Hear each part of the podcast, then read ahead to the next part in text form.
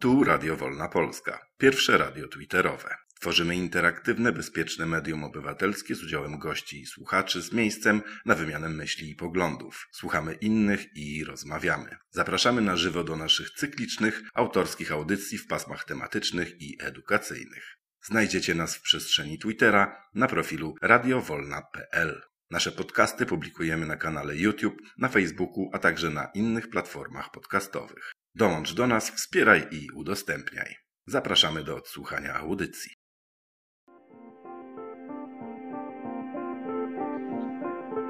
Dobry wieczór Państwu. Witamy w Radio Wolna Polska. Witamy wszystkich gości. Witamy w audycji Radio Wolna Polska, pierwszym radio twitterowym, e, gdzie dajemy bezpieczną przestrzeń do dyskusji na tematy ważne i bliskie. Minęła godzina 21, e, a więc zaczynamy. E, tematem przewodnim dzisiejszej audycji będzie tytuł książki naszego gościa Jak naprawić Polskę. Naszym gościem jest pan Robert Smoleń. Dobry wieczór panu, witam serdecznie. Dobry wieczór. E, dziękujemy bardzo za przyjęcie naszego zaproszenia, za to, że był Pan tak uprzejmy zaszczycić nas swoją osobą. E, jeszcze tak przedstawię tutaj e, pokrótce Pana, pana osobę, Pana dorobek zawodowy. Był Pan posłem na Sejm czwartej kadencji, podsekretarzem stanu w Kancelarii Prezydenta Aleksandra Kwaśniewskiego. Jest Pan cenionym analitykiem spraw polskich i międzynarodowych znawca gabinetów i kuluarów rządowych, jak również e, gabinetów e, i kuluarów e, Unii Europejskiej. Naszym gościem, proszę Państwa, jest pan Robert Smoleń, który jest również autorem książki najnowszej, bo wydanej pod koniec 2022 roku Jak naprawić Polskę. Dzisiejszy wieczór E, poprowadzą nasi e, dziennikarze. Za chwilę przejmą przestrzeń Radio Wolna Polska. E, Tadeusz Krupa. Dobry wieczór, Tadeuszu. Dobry wieczór wszystkim. Dobry wieczór, Aniu. Oraz drugim współprowadzącym jest Arkadiusz Olszowy. Dobry wieczór, Arkadiusz. Dobry wieczór, panie Robercie. Dobry wieczór państwu. Dobry wieczór, Aniu. E, zanim oddam Panom przestrzeń, e, pozwolę sobie na takie e, pierwsze wstępne pytanie. Panie Robercie, czy da się naprawić Polskę? Oczywiście, że się da. No nie wiem, czy teraz mam już opowiedzieć? O, nie, to po prostu jest jeszcze taki... Tadeuszowi i Arkadiusz, panu Arkadiuszowi. Może prawo do rozpoczęcia. Tak, e, chodziło mi tylko o pytanie, czy rzeczywiście możemy, e, możemy tę Polskę naprawić. E, jest Pan autorem tej ostatniej, najnowszej książki, bardzo wnikliwej analizy wielu wariantów, wielu możliwości, z analizą wielu czynników dotyczących i, i całego systemu wyborczego, i całego systemu ustawodawczego. I właśnie dlatego chcielibyśmy tutaj przeanalizować wiele kwestii, które nas nurtują, które są niezwykle istotne, szczególnie w tych trudnych czasach, w których w tej chwili jesteśmy. I mam nadzieję, że uda nam się to e, tutaj dzisiejszym, e, dzisiejszego wieczoru i już oddaję przestrzeń e, moim kolegom. Dziękuję bardzo. Tadeusz Krupa. Panie Robercie, witam serdecznie. I witam. Czytamy tytuł Pana pracy Jak naprawić Polskę. To wiadomo, że narzuca się automatycznie skojarzenie, że naprawia się coś, co jest zepsute, prawda? Czyli co, Polska jest zepsuta zdaniem pana, tak? Polska jest strasznie zepsuta. E, e, po pierwsze, jesteśmy oczywiście w tej chwili bardzo kulejącą demokracją, ale po drugie, to jest też bardzo niesprawne państwo.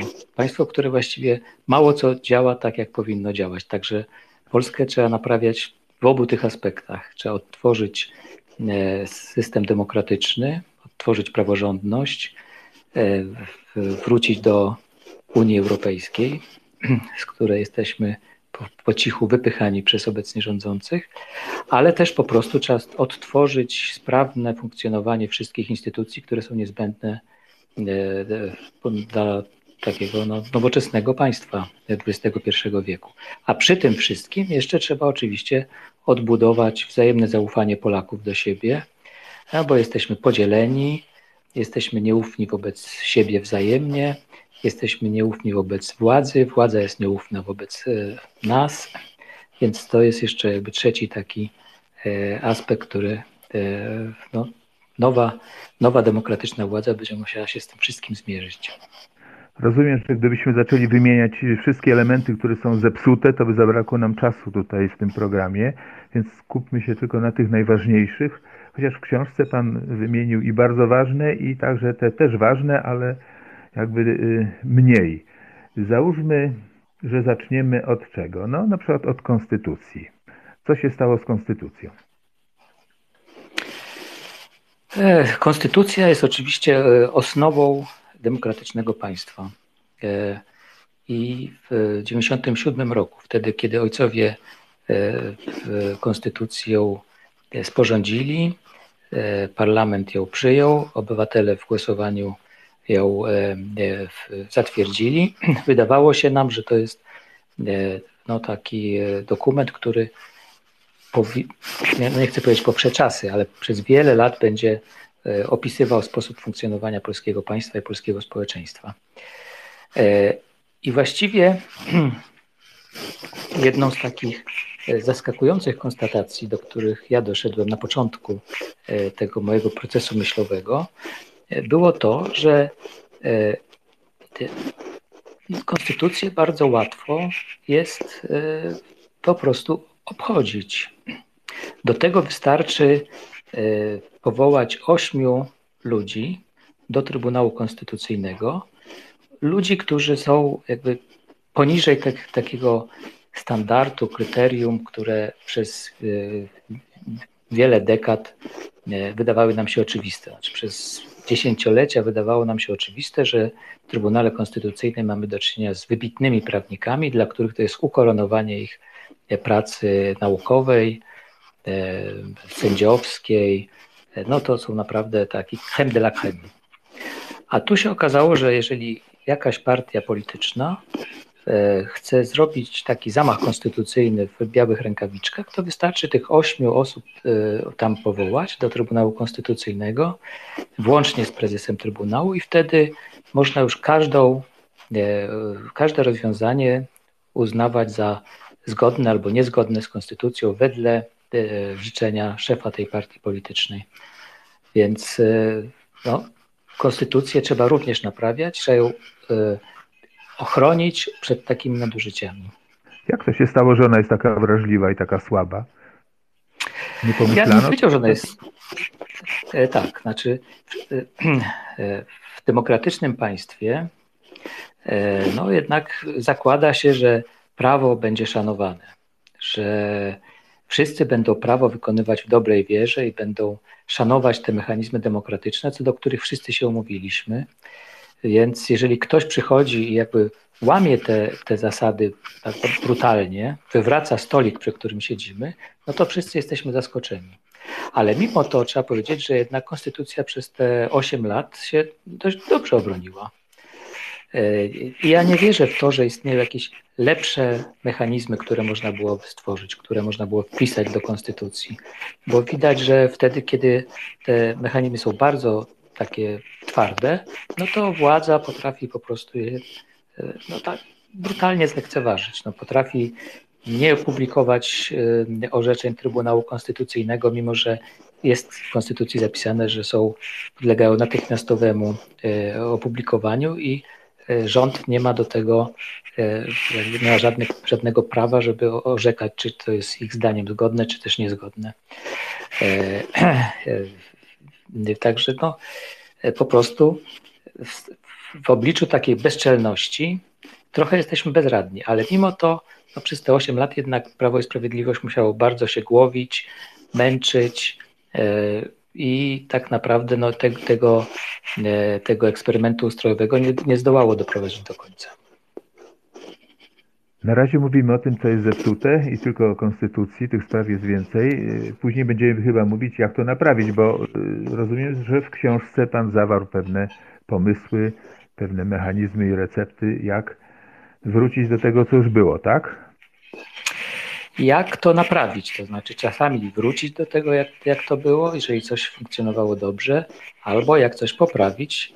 No, ten Trybunał Konstytucyjny jest takim przykładem, znaczy moim, moją odpowiedzią jest po prostu wykreślenie Trybunału Konstytucyjnego w ogóle z, z Konstytucji, gdyby była oczywiście większość konstytucyjna, moim zdaniem należałoby zlikwidować taki organ.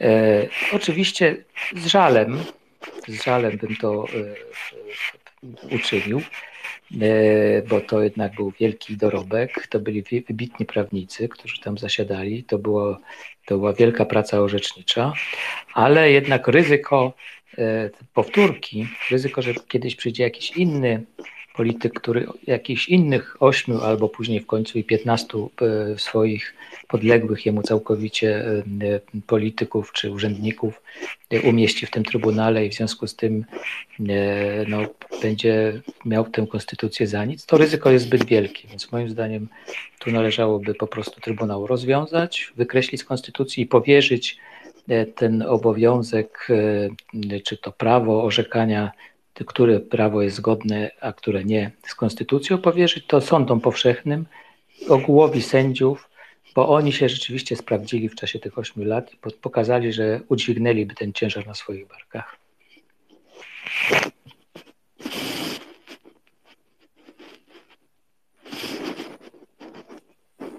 To zdaje się teraz ja. E, jeszcze raz dobry wieczór. Panie Robercie, jest jakiś problem techniczny, to znaczy w momencie, kiedy Pan mówi, e, słychać jakieś takie szmery i szumy. Gdyby się udało to opanować, to byłoby, byłoby wspaniale. Natomiast ja, jeśli Pan pozwoli, wrócę do tego pytania, które na początku zadała Anna.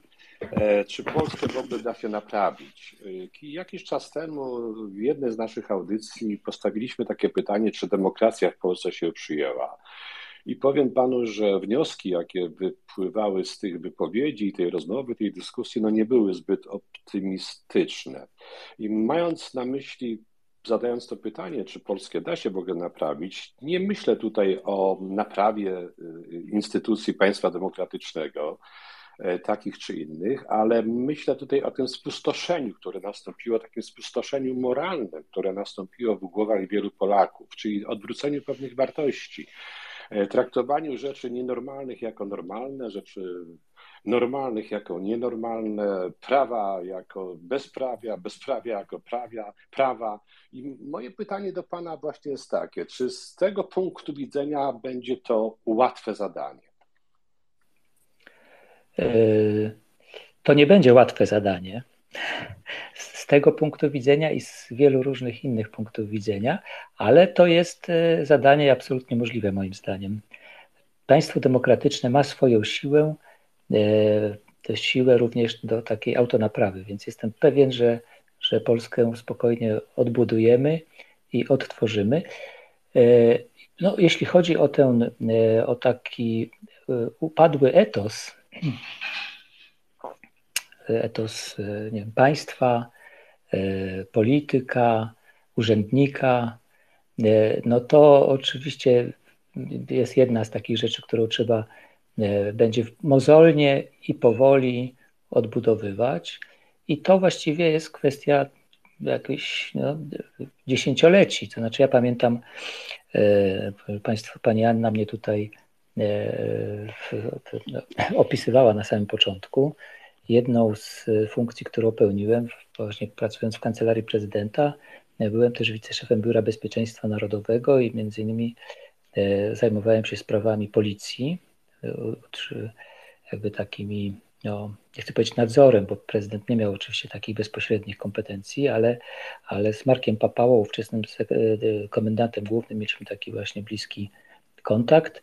I pamiętam, ile energii E, Marek Papała i ówcześni e, komendanci, oficerowie e, poświęcali na to, żeby odtworzyć, odbudować wiarygodność i zaufanie obywateli, żeby przekonać obywateli, że policja jest formacją, która im służy, a nie służy władzy przeciw, przeciwko nim. Więc teraz to będzie w tym przypadku również to trzeba będzie na, przeznaczyć na to pewnie ze 20 lat albo 25, dłużej niż wtedy, bo moim zdaniem raz takie nadwątlone zaufanie jest o wiele trudniej od, od, odbudować, odtworzyć. No tak, ale to jest ta jedna strona, o której Pan mówi. Natomiast ja bardziej na myśli miałem tę drugą stronę, czyli to, co dzieje się w naszych głowach, w głowach Polaków. E, czy my tak naprawdę rozumiemy, na czym polega demokracja, czy tej demokracji chcemy, a jeśli tak jest, jak przypuszczamy, jak wynikało przynajmniej wtedy z tej naszej rozmowy i dyskusji o audycji, o której wspomniałem, no to zadanie będzie bardzo ciężkie, bo być może wielu Polaków, a w każdym razie świadczy o tym sondaże, nawet te najnowsze, e, wcale, wcale nie chce tego, aby coś się zmieniało, ale by zmieniało się w kierunku właśnie państwa demokratycznego. Jest im po prostu jakoś wygodnie na rękę e, sytuacja, w której ktoś za nich podejmuje e, decyzję, nie muszą się nad tym zastanawiać, dostają wszystko gotowe, nie muszą się interesować, czy Trybunał Konstytucyjny, czy Sąd Najwyższy, czy Konstytucja w ogóle jest do czegokolwiek potrzebna, bo, bo ich to po prostu nie interesuje. I tutaj się obawiam, że nie będzie to takie proste zadanie, oprócz tych, o których za chwilkę jeszcze pewnie będziemy rozmawiać. Więc ja tutaj jestem optymistą jednak. To znaczy, e, wydaje mi się, że, e, że, że jednak przez te 30 lat e, de, demokracja dobrze nam się zapisała w głowach i jesteśmy chyba demokratami. E, no, sam fakt, że, e, że połowa e, obywateli, połowa wyborców jest no, mocno przekonana, że, że to jest ważna dla nich sprawa. Bo tak mniej więcej chyba się ten rozkład poglądów roz, ukształtował. Połowa ludzi, połowa wyborców, połowa obywateli uważa, że to jest dla nich ważna, kluczowa rzecz, a dla drugiej połowy może to nie jest aż tak kluczowe, ale oczywiście też wydaje mi się, że wolą żyć w kraju demokratycznym niż w kraju niedemokratycznym. Chociaż być może przedkładają nad, nad to przekonanie e, jakieś inne, być może bardziej merkantylne e, kwestie, e, być może kwestie z innego trochę obszaru, E, e, czyli na przykład e, no, takie zwulgaryzowane państwo opiekuńcze. Ale jednak no, przynajmniej dla połowy obywateli to jest rzecz kluczowa, priorytetowa. I w ogóle wydaje mi się, że jednak, tak, tak, tak nawet napisałem w książce, że nie wyobrażam sobie, żeby przynajmniej dwie trzecie obywateli Rzeczypospolitej nie wolało żyć w kraju, w którym ma wpływ na to, co się dzieje, E, w którym władza e, chce ich pytać i konsultować z nimi najważniejsze rozstrzygnięcia, e, w których ich głos ma znaczenie, nie jest lekceważony, więc wydaje mi się, że, że te dwie trzecie, czyli tyle, ile potrzebowalibyśmy do zmiany konstytucji, no, powinno być do przekonania. To wszystko prowadzi mnie zresztą do takiego wniosku, że że siły demokratyczne, partie demokratyczne nie powinny się e, ograniczać tylko i wyłącznie do marzenia o 231 mandatach w Sejmie, tylko powinny zmierzać do tego, żeby przekonać tak dużą liczbę obywateli, żeby móc tę e, demokrację umocnić e, poprzez między innymi właśnie zmianę, zmianę w konstytucji, taką, która by ten proces przyspieszyła i ułatwiła. W tym, co powiedział Arek, ja wyczuwam taką nutę, takie podejrzenie, że zepsuta jest nie tylko Polska, ale także zepsuty jest suweren. I dlatego jest zepsuta Polska, że zepsuty jest suweren. Po internecie biega wystąpienie Jarosława Kaczyńskiego jeszcze z czasów, kiedy był w opozycji, kiedy to on zdecydowanie mówił, że kiedy władza ma prezydenta, ma premiera i ma media i coś tam jeszcze, to to nie jest żadna demokracja. Suweren jednak się nie przejął głosem Kaczyńskiego, poszedł do wyborów i wybrał jak wybrał. Czyli suweren w ogóle nie rozumie, na czym polega demokracja. Polega na tym, że, zresztą co ja będę tłumaczył, wszyscy wiemy, no, jeśli wszystko jest w jednych rękach, no to o jakiej demokracji możemy mówić, prawda? Więc y, chyba, Arku, miałeś podejrzenie, że coś z tym suwerenem jest nie tak. No tak, to właśnie miałem, to właśnie miałem na myśli, ale pan Robert pewnie ma troszeczkę odmienne zdania. W każdym razie tak wynika z książki, którą też oczywiście przeczytałem. Tak, ja uważam, że suweren, e, znaczy ja nie lubię w ogóle tego słowa, uważam, że ono zostało sztucznie wprowadzone do obiegu, e, a uważam, że wyborcy, elektorat e, generalnie podejmuje racjonalne decyzje. E, I e, zresztą, jeśli popatrzymy nawet na te ostatnie 8 lat, to, to widać, że e, w 2015 roku no, to był moim zdaniem taki absolutny przypadek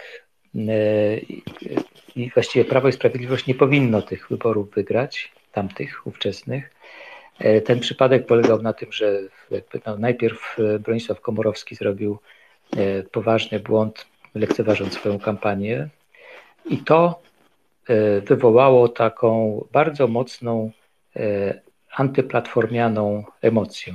To ja to obserwowałem, to widziałem, że nagle coś w ludziach pękło i nagle jakby takie wyśmiewanie się z Platformy Obywatelskiej, ostre krytykowanie Platformy Obywatelskiej stało się takie właśnie takie trendy, takie modne i takie jakby to weszło do pewnego takiego kanonu zachowań. No a po drugie, lewica zrobiła drugi błąd, y, organizując się tak do tych wyborów, że nie przekroczyła progu wyborczego i w związku z tym y, no te, ze względu na system przeliczania głosów na mandaty y, Wiktora Donta, jakby no Prawo i Sprawiedliwość uzyskało ten, ten bonus i no, przejęło władzę. Ale w, no, generalnie nie, nie uważam, że, że e, należy się e, dopatrywać przyczyn w jakimś w marnej jakości elektoratu, czy w marnej jakości suwerena. No, elektorat jest taki, jaki jest, po prostu trzeba go przekonać, trzeba przekonać, przed, przedłożyć argumenty, które, które spowodują, że uzyska się jego zaufanie i, i sympatię. W zasadzie znam odpowiedź na to pytanie, jakie panu w tej chwili zadam, bo ta odpowiedź też zawarta jest w książce. Jakiś czas temu naszym gościem był pan profesor Paweł Śpiewak. Rozmawialiśmy o jego inicjatywie zbierania pod, podpisów pod listą poparcia dla idei wspólnej listy wyborczej obozu demokratycznego, czyli mówiąc krótko, wtedy zadawaliśmy sobie pytanie razem czy osobno, ale mimo wszystko zadam panu to pytanie, bo chciałbym, żeby nasi słuchacze też usłyszeli pana zdanie, pana opinię na ten temat. Razem czy osobno? Moim zdaniem zdecydowanie razem. Ja tutaj jestem e, E, no, taki bardzo zdeterminowany w tej sprawie, e, bo po prostu e, system Donta, o którym wspomniałem przed chwilą, no tak działa. Ten, kto jest duży, otrzymuje dodatkowy bonus i w związku z tym otrzymuje dodatkowe mandaty i to jest oczywiste. Znam oczywiście argumenty, które ostatnio były również przez bardzo poważnych badaczy i politologów i socjologów y, formułowane, y, mówiące o tym, że w przypadku jednej dużej, jednego dużego komitetu wyborczego, łączącego wszystkie siły prodemokratyczne, część wyborców no, tych ugrupowań konserwatywnych i, i mniejszych no, nie będzie chciała oddawać swoje, swoich głosów na, ten, na taką listę, ale nie, nie podzielam tych, tych obaw. To znaczy, to uważam za takie teoretyczne e, gadanie, e, dlatego że po prostu e, wszystkie partie musiałyby przekonać swoich wyborców, że to jest połączenie tylko i wyłącznie takie techniczne, konstytucyjne. To, jest, to musi być taka koalicja konstytucyjna, a nie koalicja, nie wiem, odzyskania władzy. E, I to nie oznacza, że w, między tymi ugrupowaniami e, nie będzie toczyć się dialog dotyczący rozwiązania różnych konkretnych kwestii. A nawet e, to, to jest zresztą taki oczywisty mechanizm, który działa zawsze w, w, na listach wyborczych, nie ty, również niekoalicyjnych, gdzie rywalizacja między poszczególnymi kandydatami powoduje to, że to jakby nakręca się i nabija się też później ostateczny wynik, bo każdy z kandydatów walczy o swój wynik, o swoje głosy, przyciąga swoje głosy na tę listę i, no i tyle. Więc nie wyobrażam sobie, że żeby kandydaci PSL-u E, nie byli w stanie przekonać swoich wyborców do głosowania na, na, ich samych, na ich nazwiska, na które byłyby na tej wspólnej liście. Ale e, no i to oczywiście jest jakby też e, znaczy, duża pokusa polega na tym, że tak jak powiedziałem, zawsze jest jakaś wyższa poprzeczka. To, to nie chodzi o to, żeby uzyskać 231 mandatów. To jest, taka, to jest najniższa poprzeczka. I też y, oczywiście drugą poprzeczką jest 276 mandatów czy, pozwalających na, na odrzucenie y, wet prezydenta Andrzeja Dudy. No i trzeci to jest te 307 mandatów pozwalających na zmianę konstytucji. Zawsze jest y, jakiś zysk z tego, że będzie miało się tych mandatów trochę więcej. Czyli ale czy tak się. Zdecydowanie razem. Zdecydowanie razem, ale gdyby pan mnie zapytał, czy tak się stanie, to moim zdaniem tak się nie stanie. Znaczy wygląda na to, że, że te mniejsze konserwatywne ugrupowania postanowiły pójść własną drogą, przedłożyły interes wspólny nad, przedłożyły, przepraszam, własny, partykularny, partyjny interes nad interes wspólny i w związku z tym to się nie wydarzy. Aniu, proszę bardzo. E, dziękuję bardzo. Ja tylko przypomnę, że uczestniczymy w audycji Radio Wolna Polska My Polacy, której gościem jest pan Robert Smoleń, autor książki jak e, naprawić Polskę i taki sam tytuł jest dzisiejszego spotkania. Ja mam tylko prośbę, e, jeśli możecie podziękować nam za naszą pracę, udostępnić naszą audycję. E, panie Robercie, system Donta, o którym Pan mówił, to jest jedna kwestia. Natomiast jeśli chodzi o tą wspólną listę, która miałaby doprowadzić do bezwzględnej większości, dotyczy to tak Sejmu, jak i Senatu. Czy mógłby Pan od siebie, jakby też tak, żeby to wybrzmiało bardzo wyraźnie, e, do czego nam są potrzebne te 307 mandatów e, w Sejmie i 51 w Senacie, ponieważ dyskusja, dyskurs społeczny toczy się wokół tego, że poszczególni wyborcy nie będą mieli swoich reprezentantów, obawiają się tego, co zresztą też tutaj w Pana wypowiedzi wybrzmiało. Jakie będą konsekwencje tego, jeśli e, w wyniku wyborów opozycja otrzyma 307 mandatów w Sejmie i 51 w Senacie. Żeby to po prostu wybrzmiało, jak to jest istotne. Czyli mówię o, o konsekwencjach odwołania e, i, i różnych e, innych procedurach dotyczących Trybunału Konstytucyjnego i prezydenta. Ja tylko może uzupełnię, Ani, jeśli pan Robert pozwoli, bo rzeczywistość, z jaką przypuszczalnie, mamy taką wszyscy nadzieję, będziemy mieli do czynienia po e, najbliższych wyborach parlamentarnych, będzie taka, że opozycja te wybory wygra, natomiast w dalszym ciągu e, prezydentem będzie pan prezydent Andrzej Duda, który no, wydaje się być osobą spełniającą niemalże wszystkie życzenia pana Jarosława Kaczyńskiego. E, tak więc tutaj może być pewien problem, chociaż o tym problemie także pisze pan w swojej książce. E, tak, znaczy może najpierw e, tak wprost odpowiadając na pytanie pani Anny, no to oczywiście tym, tym przesądzającym atutem, tą korzyścią jest możliwość zmiany konstytucji. Znaczy ja E, to nie chodzi o to, żeby konstytucję zmieniać, bo, bo, bo, ona jest jakaś, nie wiem, nie, nie, nie, sprawdzi, nie sprawdziła się, jest nie, niewystarczająco nowoczesna, nie, nie zapewnia sprawności państwa polskiego. Nie, to jest bardzo dobra konstytucja, wybiegająca w przyszłość, e, w, w, znaczy wtedy, kiedy w 1997 roku ją uchwalano, to ona wybiegała w przyszłość, przewidywała wiele różnych rozwiązań, dzięki temu mogliśmy łatwiej wejść do Unii Europejskiej. Nie przewidziano na przykład e, e, wejścia do strefy euro i to jest coś, co trzeba będzie zmienić po to, żebyśmy mogli w pełni korzystać z dobrodziejstw członkostwa w Unii Europejskiej. E, ale no, tak jak mówię, po tych ośmiu latach, kiedy to władza wykonawcza próbowała zawłaszczyć jak największą część tego władztwa, które, które w państwie istnieje.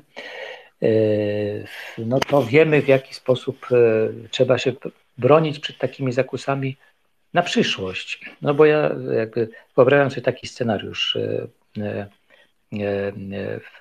Siły demokratyczne wygrywają wybory, zaczynają porządkować państwo, zaczynają odbudowywać te procedury demokratyczne, zaczynają odbudowywać instytucje państwa, tak żeby one zaczęły sprawnie funkcjonować. No i wyciągają też konsekwencje wobec tych, którzy konstytucję łamali. Skutek jest też taki, że no te osoby, które ewidentnie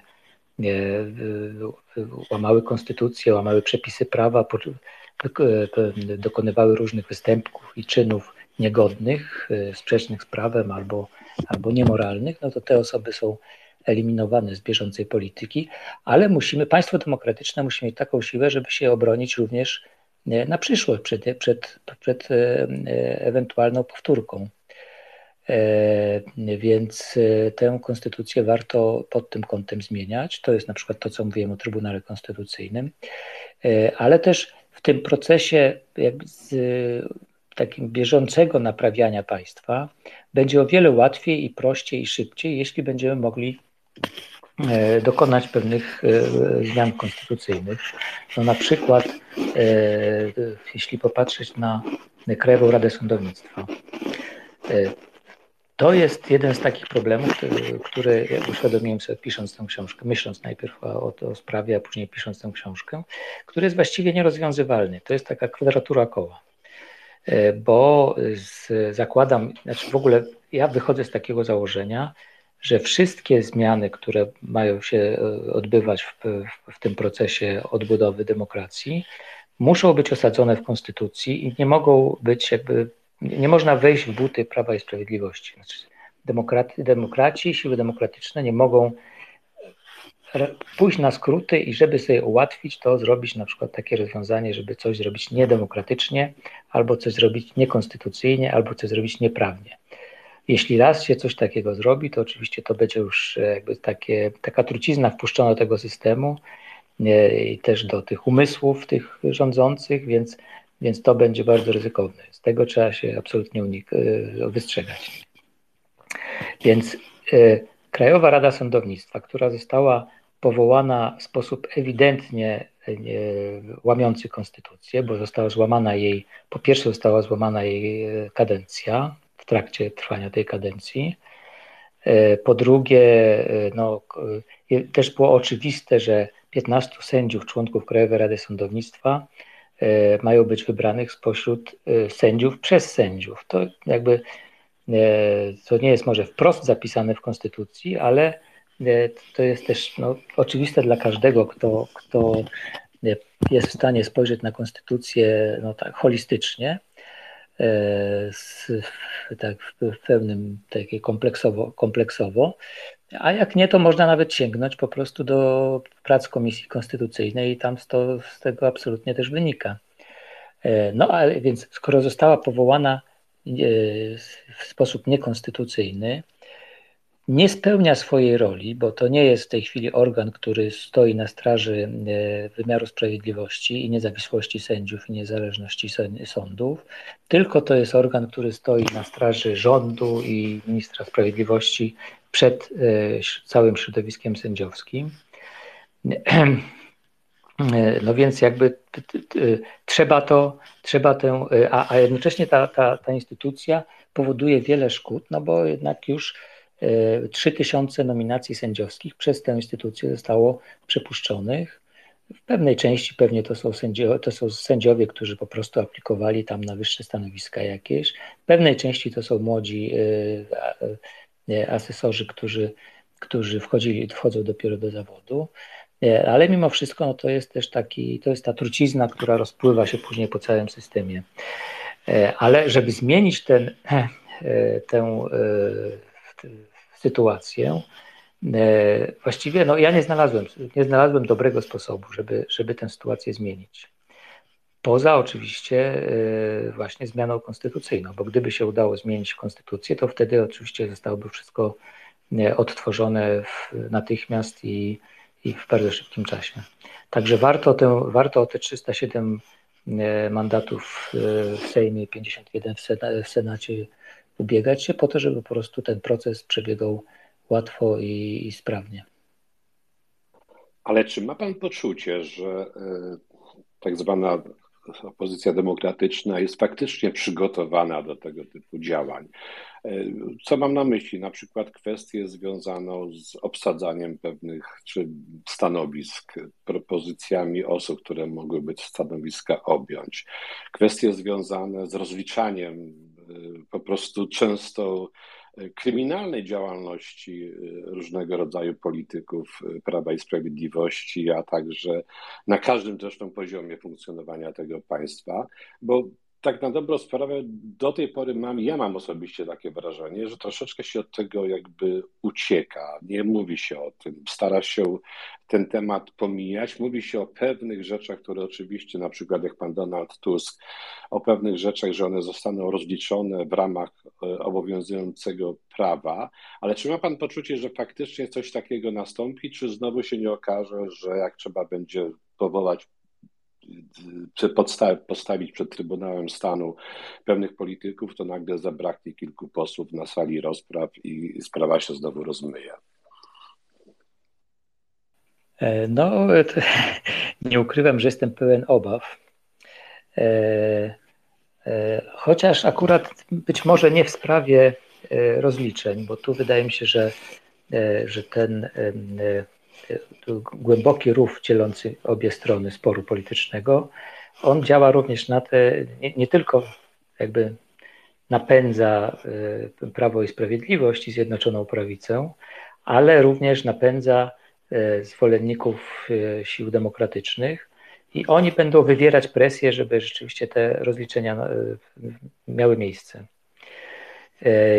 Natomiast jeśli chodzi o ten drugi y, element, o którym Pan wspomniał, to znaczy właśnie ludzie, którzy mieliby być powołani, y, sposób, y, znalezienie sposobu na właśnie odbudowę tych wszystkich instytucji, które są potrzebne, to wydaje mi się, że ja nie, nie widzę takiego e, śladu e, pozytywnego myślenia, jakiegoś konstruktywnego myślenia w tych, w tych kwestiach. Zawsze powtarzam, że mam nadzieję, że w zaciszach gabinetów te jacyś eksperci tam partii politycznych, doradcy polityczni e, pracują nad tym i jak trzeba będzie, to będą mieć to gotowe, ale taki do końca pewien to nie jestem. Podam przykład, który jest też w książce. To znaczy, e, e, no weźmy Ministerstwo Spraw Zagranicznych. Wiemy, że polska dyplomacja nie istnieje że y, miotła, która y, usunęła z, z MSZ-u i z dyplomacji doświadczonych dyplomatów, a to jest zawód, który jest y, takim samym zawodem jak inne, a może nawet wymagającym większych kompetencji, kwalifikacji, też predyspozycji, bo to nie wszystkiego się można nauczyć w tym zawodzie. No więc w tej chwili odtworzenie te, tego korpusu dyplomatycznego, korpusu ambasador, ambasadorskiego nawet, no to e, wymagałoby, żeby tak z dnia na dzień e, nominować powiedzmy 60 ambasadorów Rzeczypospolitej. Ich w sumie jest więcej, to jest tam około 90, no ale tak jak mi mówili doświadczeni dyplomaci, powiedzmy, że tam te, te 30 osób, no to są może tacy jacyś którzy, e, zawodowi dyplomaci, którzy tam się nie wychylali, więc dzięki temu tam jakoś się e, udało im utrzymać, ale, ale no tych 60 dyplomatów, czy 60 ambasadorów, to na kluczowych stanowiskach, no to bez, bez, bez wątpienia trzeba będzie szybko wymienić. I pytanie jest, skąd takich 60 doświadczonych dyplomatów, e, na tyle doświadczonych, żeby objąć stanowiska ambasadorów, powiedzmy, w, Waszyngtonie, Londynie, Brukseli, e, Moskwie, e, Kijowie i tak dalej, i tak skąd ich wziąć?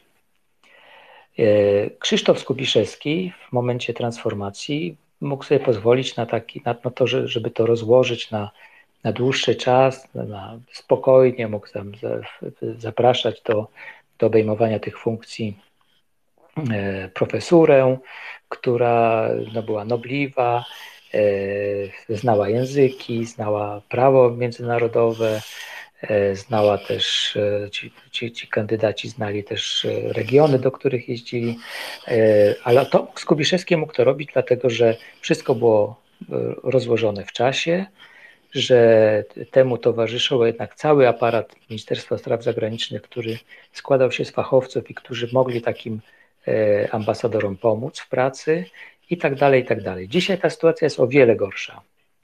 I e, właściwie, a ci, którzy zostali usunięci, oni często już sobie znaleźli inne, inną pracę, często lepiej płatną i nie jest wcale powiedziane, że będą chcieli wracać do, do tego zajęcia, też bez gwarancji, czy tego, że za 4 lata znów nie będzie podobnego, podobnej sytuacji jak, jak w 2015 roku. E, to jest tylko przykład. To jest tylko przykład, ale to jest właśnie pokazuje, jaki ogrom pracy stoi przed, e, przed tymi, którzy obejmą władzę, e, miejmy nadzieję, w jesienią tego roku i przystąpią do naprawy Rzeczypospolitej. Czyli tytaniczna praca przed nami wszystkimi. Ja zawsze w takim momencie przypominam sobie sytuację z października 1990 roku, kiedy mieszkałem jeszcze wtedy w Niemczech i kiedy nastąpiło połączenie obu niemieckich krajów, zjednoczenie. Proces był bardzo krótki. O godzinie 24 w nocy przestało obowiązywać prawo Niemieckiej Republiki Demokratycznej, przestała obowiązywać waluta, która tam obowiązywała i zaczęło obowiązywać prawo Republiki Federalnej Niemiec i wprowadzona została e, marka zachodnio-niemiecka. I tak mi trochę to przypomina sytuację, jaką mamy w tej chwili w Polsce, bo tak na dobrą sprawę mamy w Polsce dwie Polski i zastanawiam się, czy nie byłaby to najprostsza droga, to znaczy po prostu zdecydowania, że wszystko to, co do tej pory było uchwalone, przestaje obowiązywać i mamy zupełnie nowe uchwały, które na jednym posiedzeniu Sejmu e, po prostu zostają wprowadzone w życie. No, e, być może, znaczy taka opcja zerowa może być jakąś, jakimś rozwiązaniem, przynajmniej punktowo w, nie, w niektórych miejscach. No bo trzeba pamiętać, że jednak mimo wszystko jesteśmy też częścią e, prawa Unii Europejskiej. E, to prawo jest jakby obowiązuje, w części obowiązuje bezpośrednio, w części jest e, wprowadzane za pomocą dyrektyw. Więc my, my jakby nie, nie, nie, funkcjonujemy w jakiejś pustce prawnej, tak jak to było w tym 89 e, czy 90 roku. E, e, ale w niektórych momentach no, pewnie Pan ma rację, pewnie rzeczywiście warto było, albo może, może to być niezbędne, żeby to po prostu wykonać takim jednym pociągnięciem. Oczywiście nie mam tutaj na myśli tych rzeczy, które i tutaj trzeba być obiektywnym, których wcześniej Platforma nie zauważyła, zauważył je PiS, wykorzystał dla swoich celów i byłoby ok, gdyby faktycznie na tym się skończyło, ale okazało się, że zamysł był zupełnie inny i chodziło tylko i wyłącznie o to, aby wygrać wybory na jakichś takich populistycznych, często nawet e, rozsądnych i potrzebnych hasłach, ale które później zostały niestety bardzo mocno wypatrzone i doprowadziły do tego, że demokracja w naszym kraju po prostu jest systematycznie dewastowana. Tadeusz, proszę bardzo. W swojej książce, panie Robercie, pan y, też proponuje pewne mechanizmy, procedury naprawy Polski, ale w wielu miejscach znajduje takie ostrzeżenie, które pan sformułował, y, że, że ta nowa władza, załóżmy, że po zwycięstwie jest nowa władza, nie może się ślimaczyć. Te procesy nie mogą trwać zbyt długo. Przynajmniej y, jeśli chodzi o jakieś zmiany takie zasadnicze, typu Trybunał Konstytucyjny, Administracyjny, media, pan też pisze, że media muszą być natychmiast y, oddane narodowi. No i ten, ten czas i tempo, zdaniem pana, to są bardzo ważne czynniki. Natomiast my tutaj mówimy no, z takim dosyć y, pół uśmiechem, że tak, no owszem, że trzeba szybko, no ale, no nie ma fachowców, no nie ma tamtego, no to, to, to za chwilę rozmyjemy cały temat, panie Robercie. Tak, gdybym, gdybym to ja stał na czele tej koalicji demokratycznej, to już dzisiaj e, przygotowywałbym się do, e, do, do tej operacji. Już dzisiaj szukałbym ludzi, e, już dzisiaj przygotowywałbym przepisy prawne, przygotowywałbym procedury. Tych ludzi szukałbym w możliwie jawny sposób, pokazując ich kompetencje, bo to, to też jest to też jest okazja do tego, żeby jakby otworzyć nowy rozdział zupełnie żeby nie wracać do, do starych ludzi, którzy, którzy mają e, też jakieś tam swoje naleciałości. Po prostu trzeba szukać najlepszych, najlepszych. E, e, więc no, to, to prawda, tu pan Tadeusz ma rację, że nie, nie widać, nie widać takiej, takiego, takiej determinacji, a, a do wyborów, jeśli one się odbędą w terminie, co też nie do końca jest pewne, e, no mamy kilka miesięcy. mamy no 10 miesięcy. Więc to jest naprawdę bardzo krótki czas, żeby się do tego dobrze przygotować. Czyli już powinniśmy jako społeczeństwo poznawać, nazwijmy to, gabinety cieni. Ludzi, których opozycja będzie chciała, dzisiejsza opozycja, kiedy wygra, wprowadzić no, na różne funkcje, stanowiska i tak dalej. Ale tego nie możemy poznać, bo właściwie opozycja jest no, rozdrobniona. Y, dwa dni temu chyba dokładnie Marek Ast, pewnie znana postać wszystkim z różnych... Znana, znana. Tak. Marek Ast zapytany przez dziennikarza, czy PiS obawia się tego, że opozycja właśnie wystąpi razem.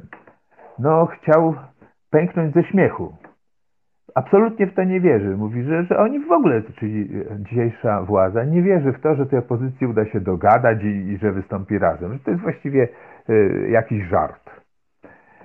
No żeby on nie miał racji, bo na jakiejś tam podstawie te, te informacje miał. Jest widocznie tam gdzieś w tych gremiach, to się analiz- w gremiach rządowych się to analizuje. I właściwie macha się ręką na tę opozycję, twierdząc, że ona nie jest w stanie niczego takiego zrobić i że jako rozdrobniona wystartuje i bardzo możliwe, że przegra. E, czyli to jest, to był głos ze strony rządzących.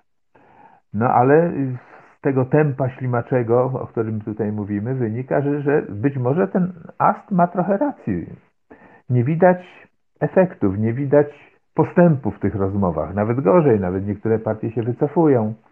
Zastanawiam się, czy tej korzystając z poezji Bułata Okudrzawy, tym partiom nie chodzi o te słodkie pierniczki, bo wiadomo, jak się dorwie do władzy, to się ma słodkie pierniczki. Natomiast jak to tak się podzieli tą władzą z różnymi, to tych słodkich pierniczków dla mnie będzie mniej. Czy to przypadkiem nie o to chodzi? To pewnie tak, pewnie tak, e, po części, ale e, jeśli przyjąć, że to jest taki czas przełomu, a myślę, że tak trzeba do tego podchodzić, że to jest no, szczególnie ważny dla demokratycznego państwa e, moment. Jeśli pozwolimy e, Prawo i Sprawiedliwość na Jarosławowi Kaczyńskiemu na dalsze eksperymenty ustrojowe, a e, bądźmy pewni, że jeśli, jeśli taki będzie werdykt wyborczy, to, to te procesy, które w tej kadencji się ślimaczyły z ich punktu widzenia, E, czyli procesy takie właśnie zmierzające do e, autorytarnego systemu rządów, e, do umocnienia tego autorytarnego systemu rządów, to te procesy przyspieszą. Znaczy ja jakby mam takie podejrzenie graniczące z pewnością, że cała ta dyskusja wokół Krajowego Planu Odbudowy pieniędzy na ten plan, na realizację tego planu i w ogóle pieniędzy europejskich, to one mają tylko taki podtekst wyborczy, E, z jednej strony Prawo i Sprawiedliwość chce pokazać swoim wyborcom i być może też nieprzekonanym wyborcom, że, że nie jest partią, która,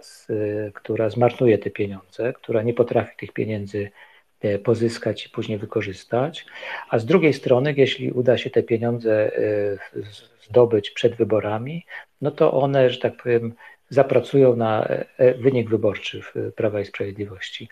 Ale jeśli I moim zdaniem oni, byli, oni są gotowi zobowiązać się do czegokolwiek, jeśli chodzi o praworządność, w złej wierze.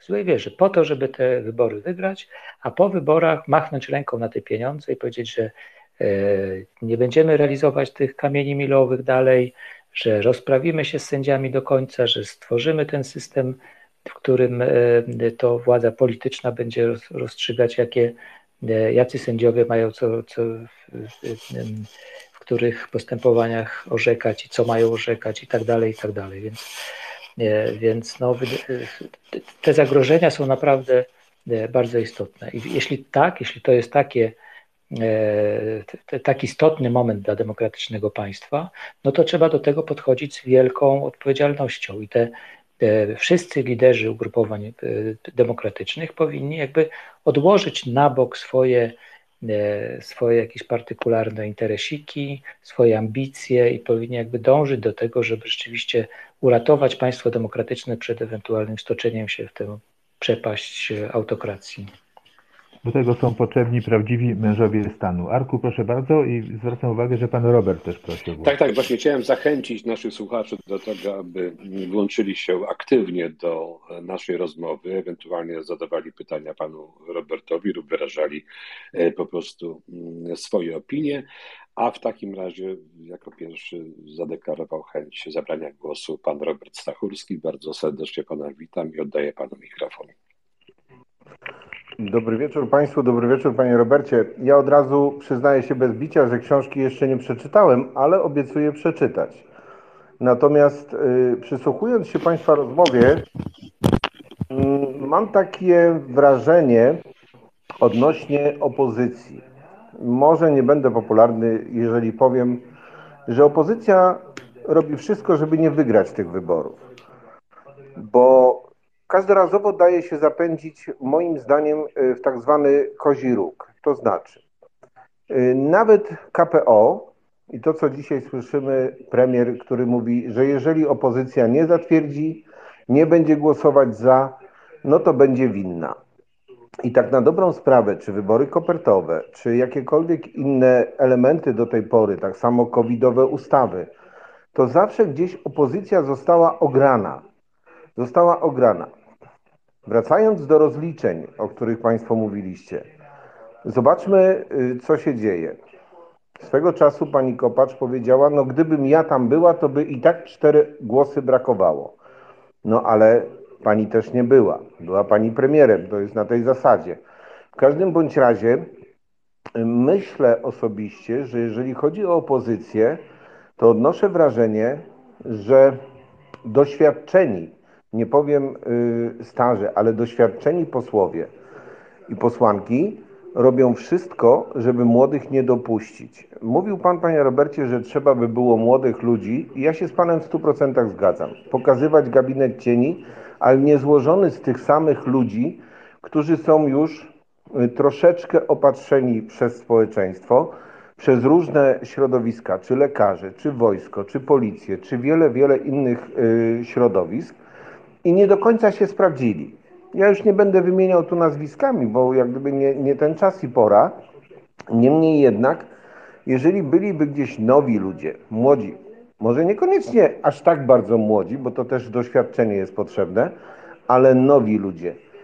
Zobaczmy, Szanowni Państwo, nikt nie pokusi się o to z opozycji, żeby powiedzieć, w Konstytucji są błędy tego typu że łączymy władzę ustawodawczą z władzą wykonawczą. Bo jeżeli premierem może zostać poseł, to co to za rozdział władzy jest dzisiaj?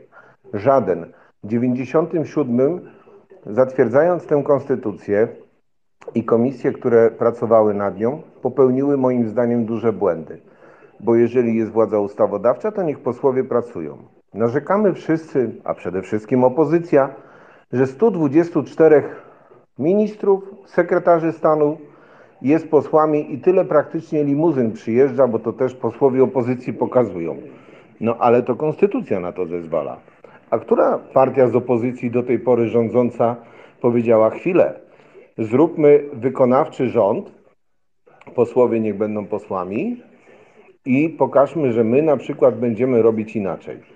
Każdy czeka do momentu wygrania wyborów i rozdania stanowisk. I żeby było ciekawiej, będą ci sami i żeby było ciekawiej, może zamienią się tylko w ruletce z ministra obrony, pójdzie na ministra spraw wewnętrznych, albo z ministra kultury będzie ministrem sprawiedliwości. I na koniec, mam wrażenie i odnoszę takie wrażenie, że opozycji zależy bardziej na wygraniu wyborów samorządowych i uderzeniu w wybory prezydenckie za dwa lata. Teraz są gotowi nawet oddać parlament, być w tym parlamencie, krytykować, tylko po to, żeby wygrać samorządówkę i wybory prezydenckie. Dziękuję. No to rzeczywiście taki dosyć y, program y, minimalistyczny i kto wie, czy nie samobójczy. Y, wracając do, do kwestii, którą Pan poruszył na początku, tak się zastanawiam. Jeśli rząd nie jest w stanie przeforsować przez parlament jakiegoś swojego pomysłu, choćby w sprawie tego KPO, to powinien się podać do dymisji, a nie zwracać do opozycji i mówić, no jak nie poprzecie naszego wniosku, to będziecie winni. Przecież to jest bez sensu. No my rządzimy i my za to odpowiadamy. Nie potrafimy, czapki na głowę, idziemy do domu. Ale to tak na marginesie. Y, widzę, że druh prosi o głos. Proszę bardzo. Halo druhu. Już jestem. Dobry wieczór. Konsumuję obiad, już właśnie przełknąłem. Mam, mam, dziękuję. Mam taki scenariusz dla gościa. Nieważne jak się kończą wybory, nie zostają przez rządzących uznane. Opozycja i ludzie, którym zależy na tym kraju, wychodzą na ulicę. Rządzący zabezpieczają ich, żeby tym ludziom się nic nie stało, żeby ich tam bąkiewicze nie napadli. Wychodzi raz 100 tysięcy, nic się nie dzieje. Na przyszły tydzień wychodzi 500 tysięcy. Rząd tak samo zabezpiecza, nic się nie dzieje. Później załóżmy wychodzimy w kilkudziesięciu krajach, wychodzimy w sumie kilka milionów. Y, policja, WOT i inni zabezpieczają, nic się y, nie dzieje y, protestującym, rząd na to nic nie reaguje.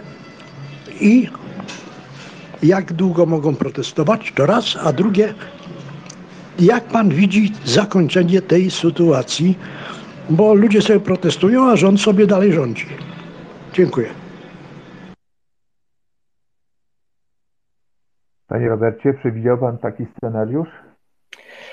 E... Tak, oczywiście.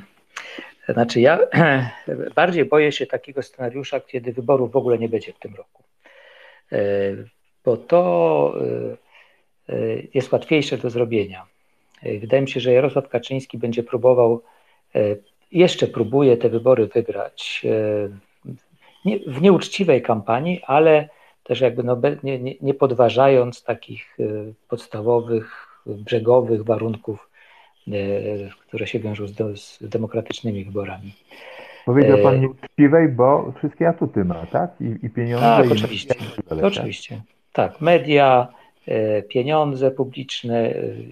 E, jednym z takich warunków uczciwości wyborów to jest też bezstronność administracji publicznej.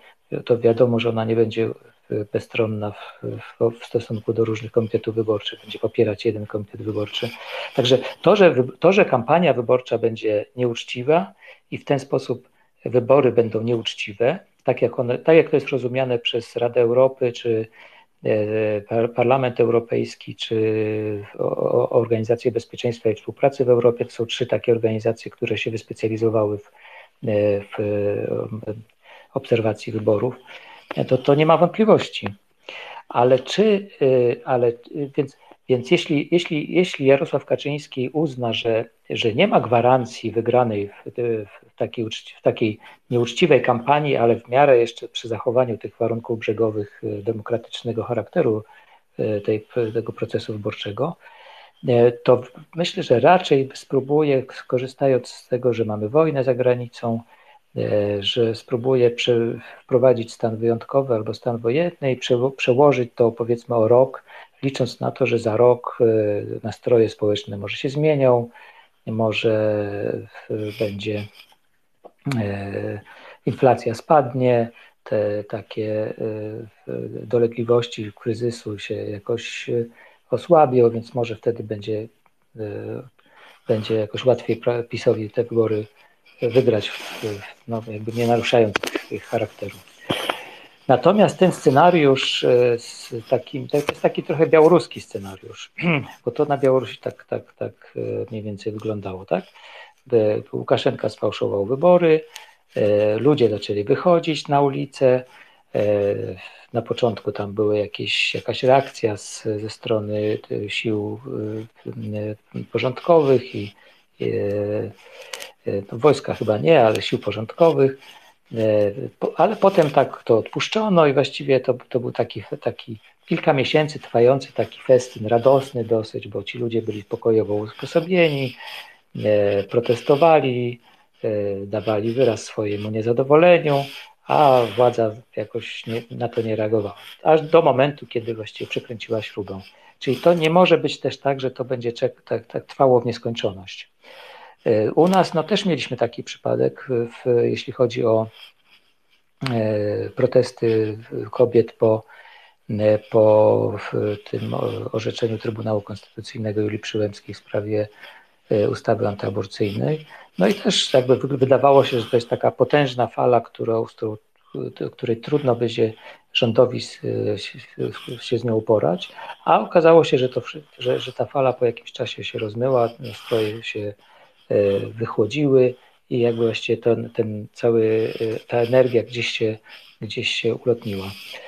E, ale myślę, że to tak by nie było w przypadku, w przypadku wyborów. Znaczy to rozumiem, że to, ten, ten scenariusz zakłada to, że skoro, skoro, ci ludzie wychodzą, to znaczy mają przekonanie, że wybory zostały skradzione. Tak? To znaczy, że to wtedy by oznaczało, że na przykład e, Izba Kontroli, Izba Kontroli Nadzwyczajnej Spraw Publicznych Sądu Najwyższego uznaje, że te wybory, jeśli je przegrywa e, PiS, to te wybory są E, wymagają powtórzenia, bo na przykład jest zbyt dużo tam jakichś nieprawidłowości.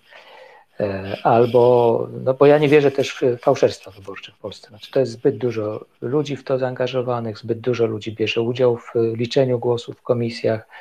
E, nie mamy też procedur internetowych, które są niejawne, a to wszystko jest jawne. To znaczy, komisja liczy, wiesza na drzwiach lokalu wyborczego E, swój protokół. Każdy może ten protokół sfotografować, można później te protokoły sobie sumować i jakby trudno po drodze też gdzieś tutaj coś, mówiąc tak kolokwialnie, zahachmęcić. Więc nie, nie wydaje mi się, żeby można było w Polsce wybory sfałszować, tak żeby w takim stopniu, żeby to miało wpływ na ich ostateczny wynik, e, a, a znów jakby e, zanegowanie wyniku tych wyborów teoretycznie no, mogłoby mieć miejsce, ale to by oznaczało, to miało wielkie reperkusje. Znaczy, oprócz tego, że ludzie zaczną wychodzić na ulicę, to tak samo na przykład myślę, że musielibyśmy się pożegnać z członkostwem w Unii Europejskiej, e, a przynajmniej bylibyśmy w tym zawieszeni, no bo jednak e, można jeszcze tolerować Polskę i Węgry, które sobie tam e, eksperymentują z praworządnością, ale nie sądzę, żeby Unia Europejska była gotowa do tego, żeby trzymać w swoim składzie państwo, które, które ewidentnie łamie y, no, y, te procedury wyborcze. No, to już jest ten, ta, ta czerwona linia, za, za którą się nie można, nie można y, znaleźć. I myślę w związku z tym, że chyba Jarosław Kaczyński nie byłby aż taki odważny, żeby to, żeby to wykonać. Na razie mam wrażenie, że Jarosław Kaczyński próbuje ściągnąć pomysły Orbana, i namnożyć lokali wyborczych, szczególnie w takich małych miejscowościach, no tam, gdzie ma swój elektorat. To zaś się Orban taki patent opracował i dzięki temu ciągle wygrywa. No tak, znaczy e, Jarosław Kaczyński dość wiernie idzie śladami Wiktora Orbana. Także jeśli chcemy wiedzieć, co może nas czekać, jeśli, jeśli e, te, w najbliższych wyborach nie nastąpi zmiana, to możemy po prostu popatrzeć na Węgry i to mniej więcej tak pewnie będzie wyglądać. Jeżeli można, to tak, proszę, Tadeusz, tak, jeżeli można, to chciałbym wrócić do wypowiedzi pana Roberta Stachurskiego, który w tej chwili także y, sygnalizuje nam, że chciałby zabrać głos i zadać pytanie. E, pan Robert, moim zdaniem, mm, mówię o panu Robercie Stachurskim, poruszył dwa takie bardzo istotne tematy. Z jednej strony kwestie młodzieży, tak to przynajmniej zrozumiałem. E, I tutaj posłużę się pewnym przykładem. Otóż nasz kolega redakcyjny Mateusz prowadzi taki program sportowy, który nazywa się Sportowe Gadki. I podczas tego programu ostatnio dosyć istotna kwestia została poruszona, że przy okazji wyborów na sportowca roku, tego plebiscytu na sportowca roku, w zasadzie mm, e, młodzi ludzie e, po pierwsze w ogóle w tym nie uczestniczyli, a po, drugie, po drugie pokolenie tych, którzy wchodzą w tej chwili w takie dorosłe życie, nastolatków, którzy za kilka lat będą decydowali o tym, jak nasza Polska będzie wyglądała, tak na dobrą sprawę nawet nie wiedzą o tym, że coś takiego jak wybór sportowca roku istnieje, bo nie ma tego na TikToku, nie ma tego na tych platformach e, i, i, i społecznościowych portalach, z których oni korzystają. I tu jest właśnie, wydaje mi się tak, że ten problem jest co prawda Campus Polska, który do, oczywiście robi pewnie dobrą robotę, tylko pytanie powstaje, czy faktycznie docieramy do tych ludzi, którzy w przyszłości, jeśli chcemy myśleć o Polsce nie tylko e, po wyborach e, tegorocznych, ale także o Polsce, która będzie Polską za lat 5, 10 czy 15, czy my faktycznie, czy opozycja demokratyczna ma klucz i ma sposób na to, żeby do tych ludzi docierać. To jest chyba jeden z tych tematów, które pan, pan, pan Robert Stakurski chciał tutaj, tak w każdym razie ja zrozumiałem, poruszyć.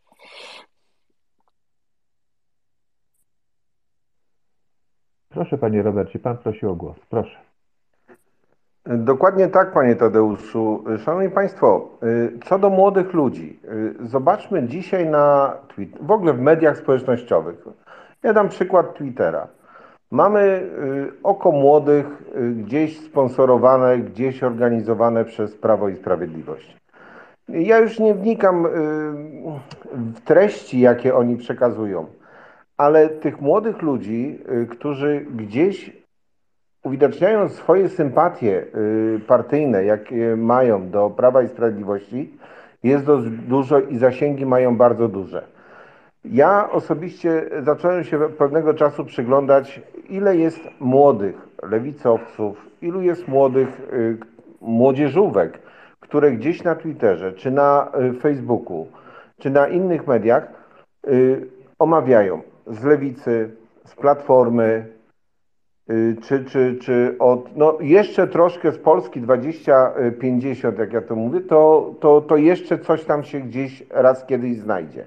Ale właśnie nie ma młodych ludzi, bo albo nie są przez górę partyjną dopuszczani do tego i nie mają pozwolenia na, na pewne działania medialne. Dlaczego? Zobaczmy, yy, i nie wiem, czy, czy pan Robert yy, jak gdyby będzie mógł się do tego też ustosunkować. Y, brak komunikacji i brak zdobywania y, dusz przez internet. Dzisiaj, moim zdaniem, to, co się dzieje w komunikacji różnych partii, oprócz PiSu, i tutaj y, z pełną stanowczością, jak popatrzymy i przeanalizujemy Twittera, ich jest bardzo dużo. Mówię nawet o, rzeczniku, o ludziach, którzy pracują na rzecz komunikacji i, i public relation dla PiSu dla pozostałych partii jest wszystko nieskoordynowane. Troszeczkę Polska 2050 próbuje, ale pozostałe partie, największa opozycyjna partia, jaką jest Platforma, bardzo rzadko, bardzo rzadko cokolwiek jest rzucane jako partyjne. Poszczególni posłowie, senatorowie, tak. I teraz moje pytanie jest, y, dwa pytania mam, jeżeli pozwoli Pan, Panie Robercie. Po pierwsze o tą komunikację, jak według Pana ona powinna wyglądać, a druga sprawa dotycząca systemu politycznego. Czy nie uważa Pan, że może czas by było w Polsce przemyśleć na temat systemu prezydenckiego? Dziękuję. Proszę Panie Robercie, czekamy na odpowiedź. Halo? Trzeba mikrofon wcisnąć, bo zdaje się jest wyłączony.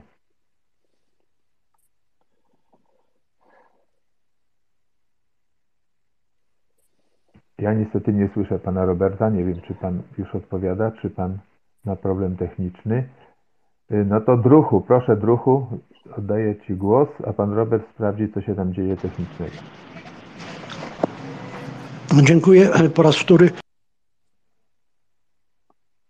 Też masz problemy z y, głosem.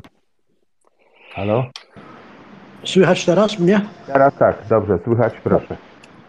Dobra, no więc chciałbym, chciałbym ludziom, którzy powinni pamiętać, przypomnieć, a młodszym, bo nie mogą tego pamiętać, uświadomić, że w 1989 roku, znaczy tak, po stanie wojennym doszło do tego, że wojsko, milicja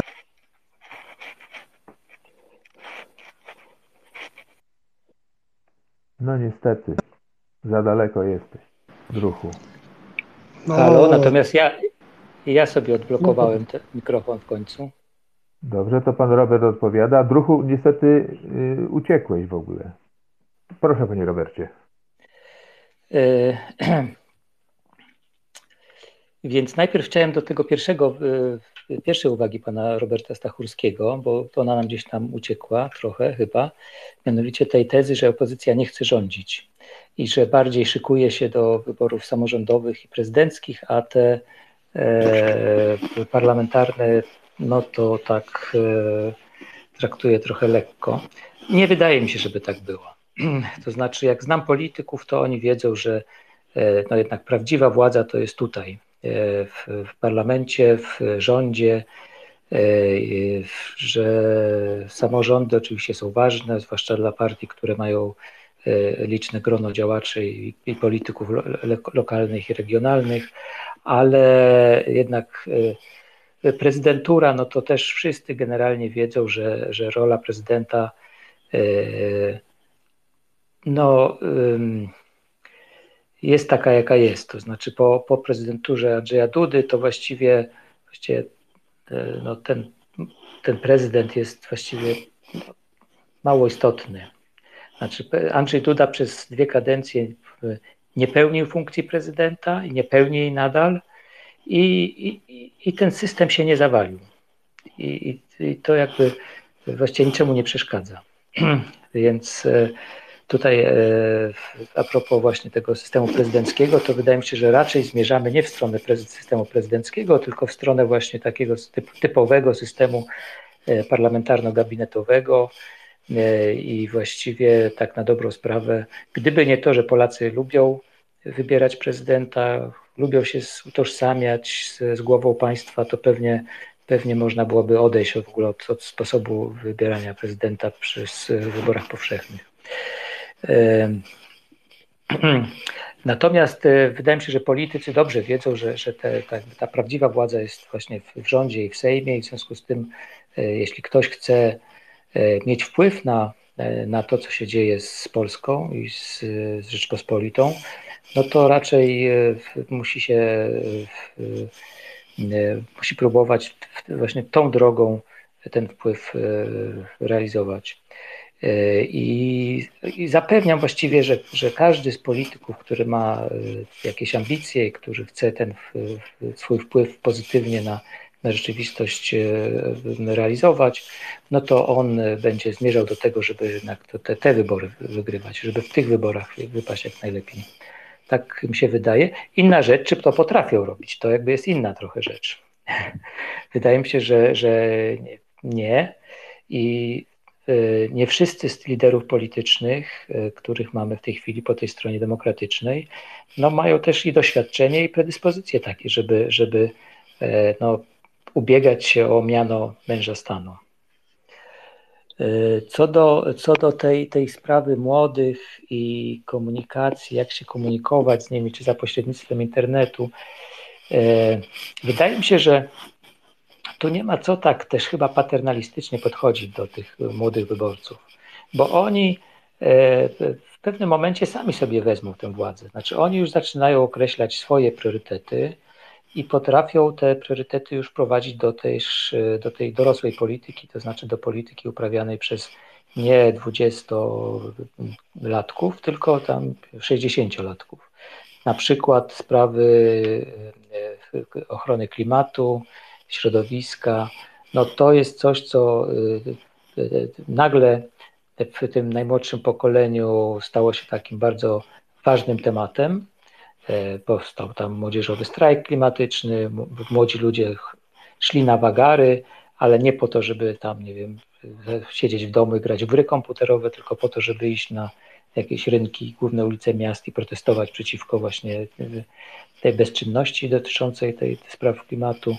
E, więc, no i to dzisiaj stało się, po, po chwili to się stało takim e, jednym z podstawowych tematów tej takiej dużej polityki, więc wydaje mi się, że, że to nie, ci, ci młodzi ludzie sami sobie określą agendę i sami jakby zmuszą polityków do tego, żeby się do tej agendy e, zaczęli odnosić.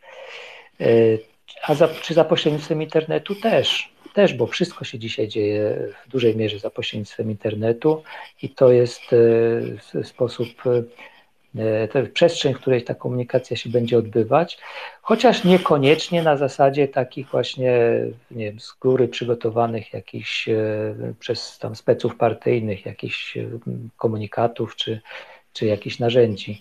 Pewnie, pewnie ta, ta, ta, ta przestrzeń internetowa sama sobie wypracuje pewne mechanizmy, i pewne takie sposoby docierania wzajemnej do, do komunikacji. To pewnie to jeszcze jest przed nami.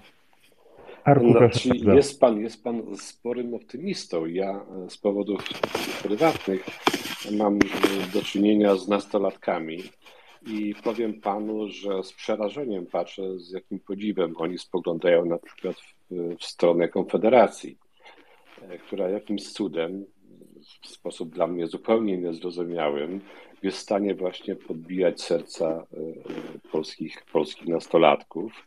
I to mnie bardzo, bardzo mocno niepokoi, ale z drugiej strony oczywiście widzę też takie bardzo pozytywne elementy, jak na przykład deklaracja Maty, który stwierdził, że za 20 lat będzie kandydował, kandydował na urząd prezydenta i odpowiednio się do tego przygotuje.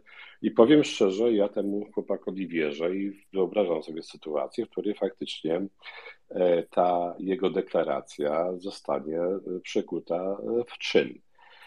E, tak więc, no, oczywiście są tutaj dwie strony tego medalu, ale są też takie niepokojące i z drugiej strony pewne, pewne sygnały bardzo pozytywne, ale jeśli nie zadbamy i nie zawalczymy o, o młodzież, to za chwilę może się okazać, że zostaniemy zmieceni po prostu z powierzchni e, i, i przestaniemy mieć wpływ na to, co w naszym kraju się dzieje.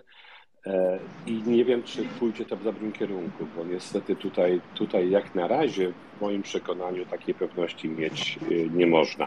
Artur, proszę bardzo. Dobry wieczór. Dobry wieczór Panie Arturze, proszę bardzo, jakiś hałas u Pana słychać? Proszę tam opanować. No to nie u mnie. Nie? Aha, to? Nie u mnie, Coś obawiam się. Yy, dobry wieczór jeszcze raz. Jest no, bardzo dużo tematów Druchu, przepraszam, wyłącz mikrofon, proszę, druhu. Bardzo, bardzo dużo tematów było poruszonych, a więc nie sposób na o wszystkich. Ja bym się chciał odnieść, bo spodobała mi się ta wypowiedź a propos młodzieży, wcześniejsza. Yy, ponieważ y, ja już mam wysypkę, jak słyszę o, o aktywizacji młodzieży, młodych i tak dalej, i tak dalej. Y, ja już jestem, y, no już PESEL mam spory, ale jednak jak każdy tutaj czuję się wciąż młody i trochę pamiętam. Słuchajcie, młodzież nie pójdzie do żadnych wyborów z jednego prostego powodu, bo ja bym, jeżeli by gremialnie zaczęli uczestniczyć w życiu politycznym, to bym stwierdził, że z nimi jest coś nie tak i mamy jakieś potężne problemy pokoleniowe. Młodzież ma się nie przejmować polityką, ma mieć to totalnie gdzieś. E, oczywiście w granicach rozsądku, tak? To jest po prostu normalna reakcja. Nikt nie dotrze do młodzieży, nikt nie wymyśli żadnego sposobu. Tutaj przed momentem była mowa o Twitterze. Twitter to już jest sprawa dla boomerów. Młodzież kompletnie yy, może, może jeżeli młodzieżą nazwiemy też studentów, no bo tak umownie trzeba przy, przyjąć jakieś takie yy, yy, granice wiekowe, no to może jeszcze i tak. Twitter kompletnie yy, nie odgrywa żadnej roli. To, to TikTok, o którym tutaj była mowa, Snapchaty, yy, Tindery i, i tak dalej, i tak dalej. To jest tego mnóstwo. Jest tego mnóstwo, telegrafy, nie wiadomo co, yy, ale to są media społecznościowe, o których nie mamy pojęcia. To, to nawet nie polega na tym, że my nie wiemy, jak w nich się poruszać. No bo, bo faktem jest, że nie wiemy, bo to, że ktoś odpali y, TikToka i mniej więcej pozna technikę wrzucania filmu, to jest proste. Natomiast my już tego nie czujemy i nikt tego nie wyczuje, y, ponieważ y, tylko młodzież może y, prezentować jakieś tezy na tego typu mediach, dlatego oni właśnie wyszli, nie interesują ich już, nawet mają no, Snapchat, można powiedzieć, że to jest coś rodzaju Twittera, ale nie ma tam ludzi 40 plus i tyle, więc y, nie liczyłbym na jakąś wielką aktywizację. I bardzo dobrze. Yy, oni, oni, tak jak to było, o czym, jak tutaj już padło, oni młodzi urządzą sobie świat po swojemu, nie teraz, to za chwilę. Yy, I nie łudźmy się, że jakiekolwiek pokolenie, oni też swoich dzieci i wnuków też nie ruszą do żadnych wyborów, chociaż kto wie, jak to będzie wyglądać za wiele, wiele lat. Konfederacja rzeczywiście może mieć większą popularność yy, wśród młodych ludzi z jednego prostego powodu, ponieważ młodzi ludzie tak naprawdę tworzą konfederację. No to jest niepokojące, ale oprócz oczywiście liderów, przynajmniej dwóch, którzy, którzy są już bardzo wiekowi, no to Y, to cała reszta jest, to są ludzie młodzi, młodzi w tym biorą udział. Y, to nie starczyłoby zapewne programu, żeby opowiedzieć, jaki, y, jakimi kierują, jakie powody nimi kierują i tak dalej, i tak dalej, ale tak to wygląda, więc takie jest moje oczywiście zdanie. Nie, nie, nie przejmujmy się młodzieżą. Młodzież sobie zawsze poradzi, zawsze sobie rodziła i zawsze będzie sobie radzić. To... Dziękuję bardzo. Tak? Koniec, tak? Dziękuję bardzo. Chciałbym wrócić okay. jednak do, do, tematu, jak naprawić Polskę. Panie Robercie, oczywiście książkę przeczytałem, mówię do autora teraz tej książki. I wie pan, czego mi brakuje? Mam wrażenie, że w Polsce jest też zepsuta historia współpracy władza, kościół, kościół, społeczeństwo. Pan tego tematu nie poruszył, albo przegapiłem, to jest chyba niemożliwe. Poruszyłem, panie Tadeuszu, poruszyłem, chociaż e, w, krótko. No, krótko, dlatego, że e, struktura tej książki jest następująca, to dla, dla tych, którzy nie, jej nie przeczytali. Na początku są dwa takie rozdziały ogólne, w których ja piszę właśnie o. Tłumaczę, dlaczego uważam, że, te, że ta zmiana może nastąpić, że mimo właśnie tego, że jeszcze przez półtora roku po ewentualnym sformowaniu rządu przez koalicję większościową e, demokratyczną e, Andrzej Duda będzie prezydentem, a przez trzy lata jeszcze e, Trybunał Konstytucyjny będzie składał się z większości sędziów wybranych przez Prawo i Sprawiedliwość i że prokuratorzy sobie próbują zabetonować swoje stanowiska i funkcje, tak żeby nie można było ich odwołać i E, też była próba zabetonowania stanowisk w, w kierowniczych spółkach Skarbu Państwa i tak dalej, i tak dalej. Mimo tego wszystkiego uważam, że, e, że e, to jest taka iluzja, którą ma Jarosław Kaczyński, że jak on przegra wybory, to i tak te wszystkie atuty pozostaną w jego ręku. Moim zdaniem nie pozostaną, bo ci wszyscy ludzie cechują się generalnie słabością charakterów. Znaczy oni nie dlatego się znaleźli na tych stanowiskach, że, że mają twarde przekonania i potrafią bronić tych przekonań i że są odważni, tylko właśnie z odwro dokładnie odwrotnych powodów. To znaczy dlatego, że nie mają przekonań, że są po, e, takimi wiernymi wykonawcami poleceń, niespecjalnie stać ich na refleksję, czy te polecenia e, na ile one są groźne dla demokracji, dla państwa, dla dobra wspólnego, po prostu wykonują i tyle. Ale tacy ludzie w momencie, kiedy tracą tego, tę latarnię morską, która im wskazuje drogę, bardzo łatwo jakby będą w stanie zmienić o, być może nawet i o 180 stopni swoje, swoje zapatrywania, a na pewno też nie będą E, nie, nie, nie będzie wielkim problemem, żeby ich przestraszyć, żeby ich e, przekonać do tego, żeby odstąpili od jakichś takich nieracjonalnych e, założeń i tak dalej, i tak dalej. No to jest, to pierwsze dwa rozdziały są temu poświęcone, później są trzy rozdziały poświęcone takim no, najważniejszym sprawom, o których, które, które mi się wydają są niezbędne, żeby jak najszybciej je podjąć, czyli praworządność,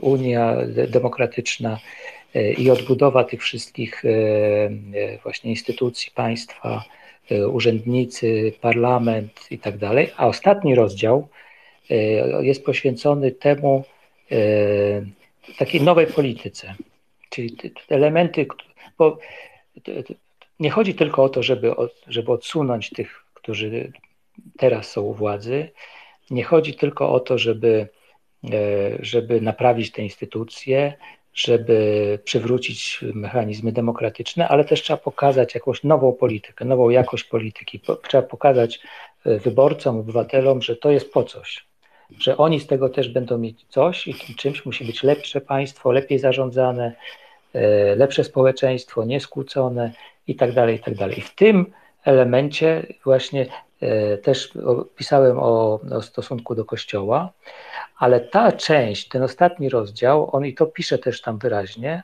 że e, on już jest jakby trochę takim emanacją moich poglądów.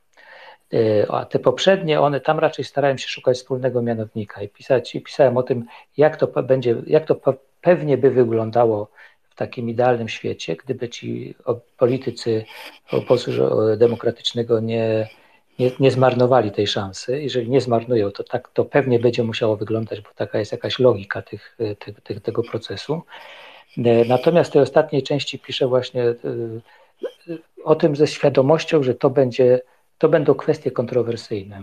I teraz e, zapewne polityka wobec Kościoła nie będzie czymś, co się łatwo, gdzieś, gdzie łatwo porozumie się lewica, E, Platforma Tuska e, z, z Szymonem Hołownią i z PSL-em. Więc tu jakby oczywiście to jest trochę inna, trochę inny charakter tych rozważań, ale e, bez wątpienia to, to jest prawda, że taka przebudowa państwa i to jeszcze w czasach kryzysu, kiedy zaczynamy patrzeć na, na koszty wszystkiego, zaczynamy te koszty analizować, liczyć, próbujemy oszczędzać, E, wydatki, które są zbędne.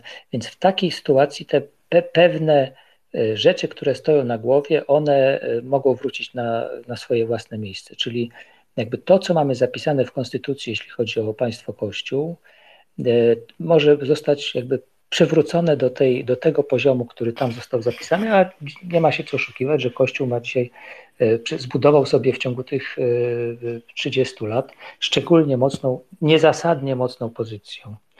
I, e, i, I to chyba, wszyscy już chyba to czują, że to jakby zbliża się do końca, że ten, że ten, że ten taki złoty okres tronu, sojuszu tronu i ołtarza, to on jakby zbliża się do końca, więc to jakby e, tak pewnie tak nastąpi. No pytanie, czy nastąpi to e, bardziej tak zdecydowanie, jak pewnie chciałby, chciałaby Lewica i chciałoby właśnie ta Platforma Tuska, czy to byłoby jakoś łagodzone przez, przez Polskę 2050 i, i PSL, no to zobaczymy.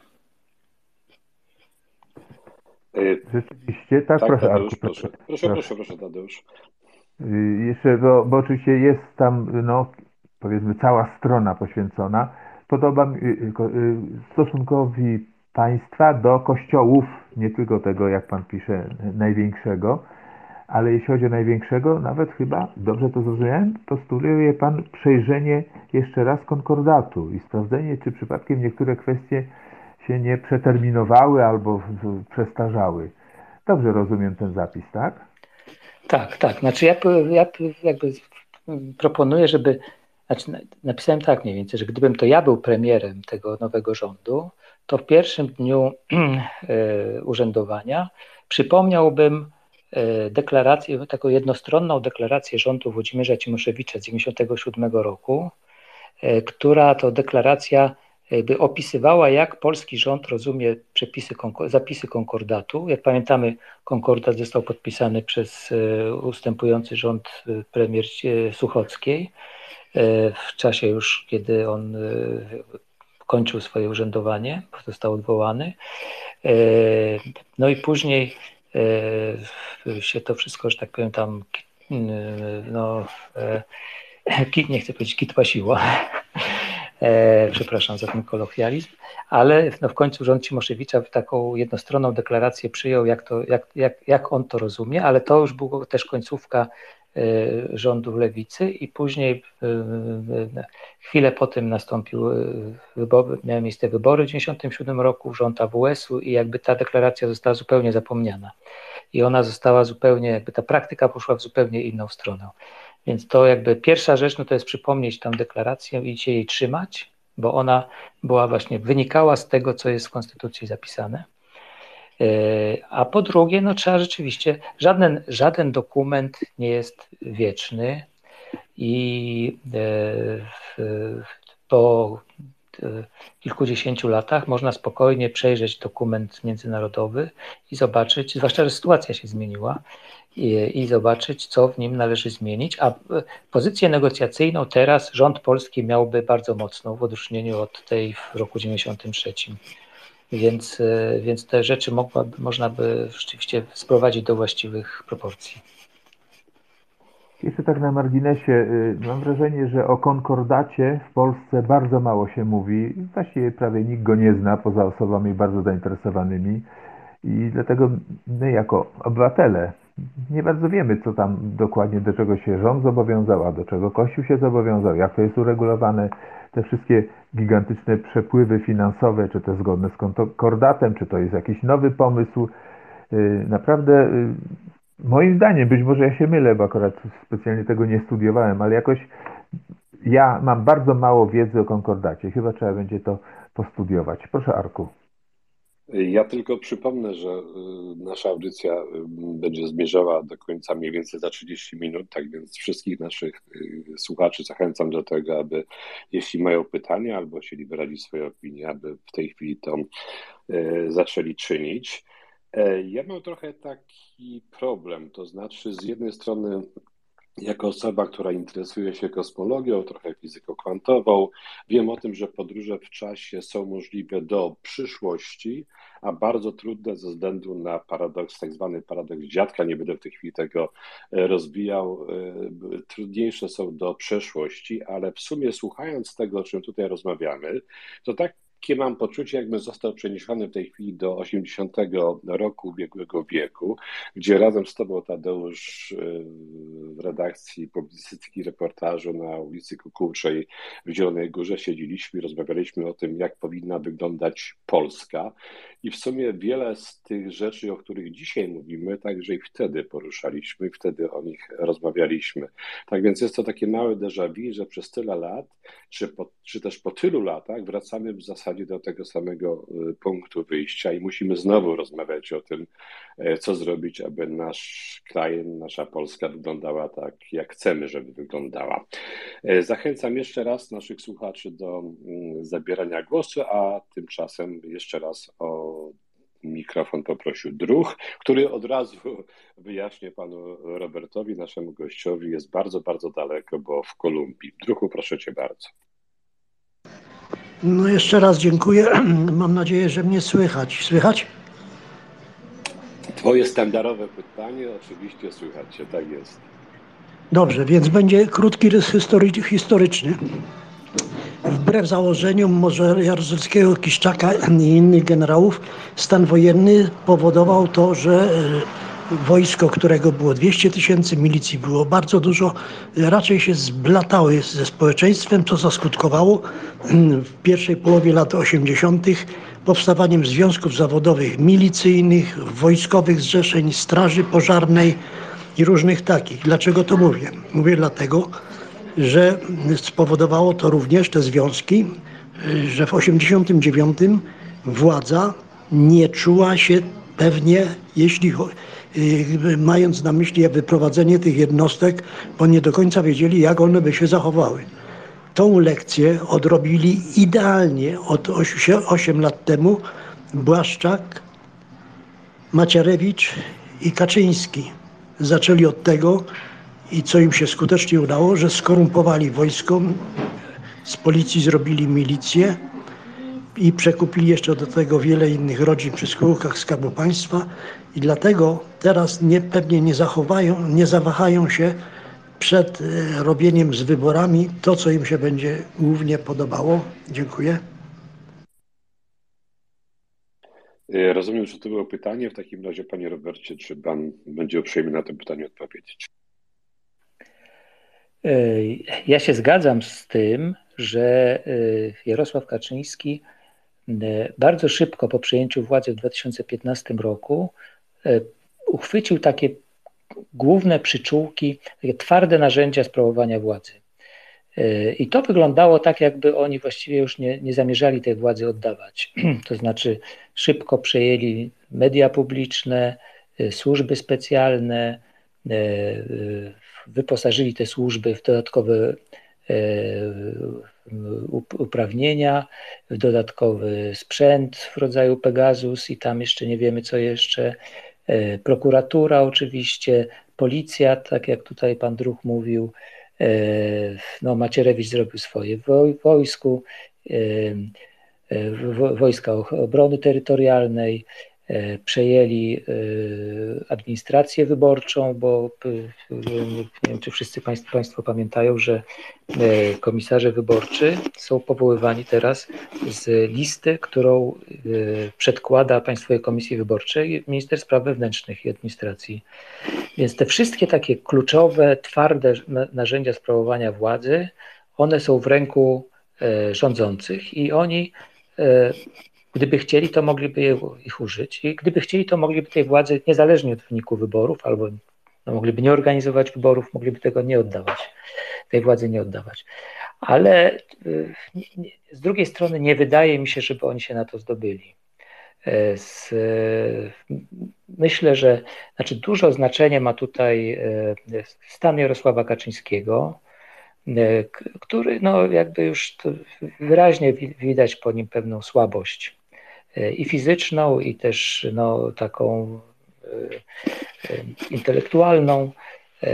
Więc to już nie jest ten Kaczyński, którego, którego mogliśmy widzieć właśnie w 2015-2016 roku. Człowiek, który miał jakąś swoją własną wizję, chciał zbudować jakieś państwo na, na swoją modłę, takie estado nowo, czyli taką jakąś replikę państwa zbudowanego przez Salazara w w Portugalii, to mniej więcej jakoś tak, tak to chyba by miało wyglądać.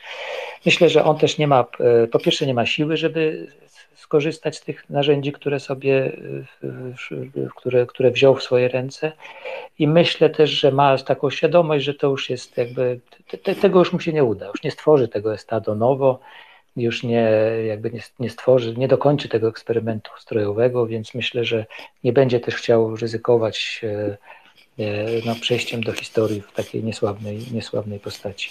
Mam nadzieję, że tak, tak się stanie. Arku, przez jakiś czas byłem wyłączony. Tak, tak, nie, wiem, nie, wiem, nie wiem, kto, ale nie wiem, kto teraz y, może zabrać głos, bo Marcin, kolejności pan nie Marcin widziałem. A pan Marcin, proszę bardzo. Okej. Okay. Proszę panie Marcinie. A, dziękuję bardzo. Dobry wieczór wszystkim. Ja dość e, troszeczkę później wszedłem do pokoju, a e, chciałem się tylko upewnić, jeśli można było w wielkim skrócie. Ja też dużo czasu nie zajmę.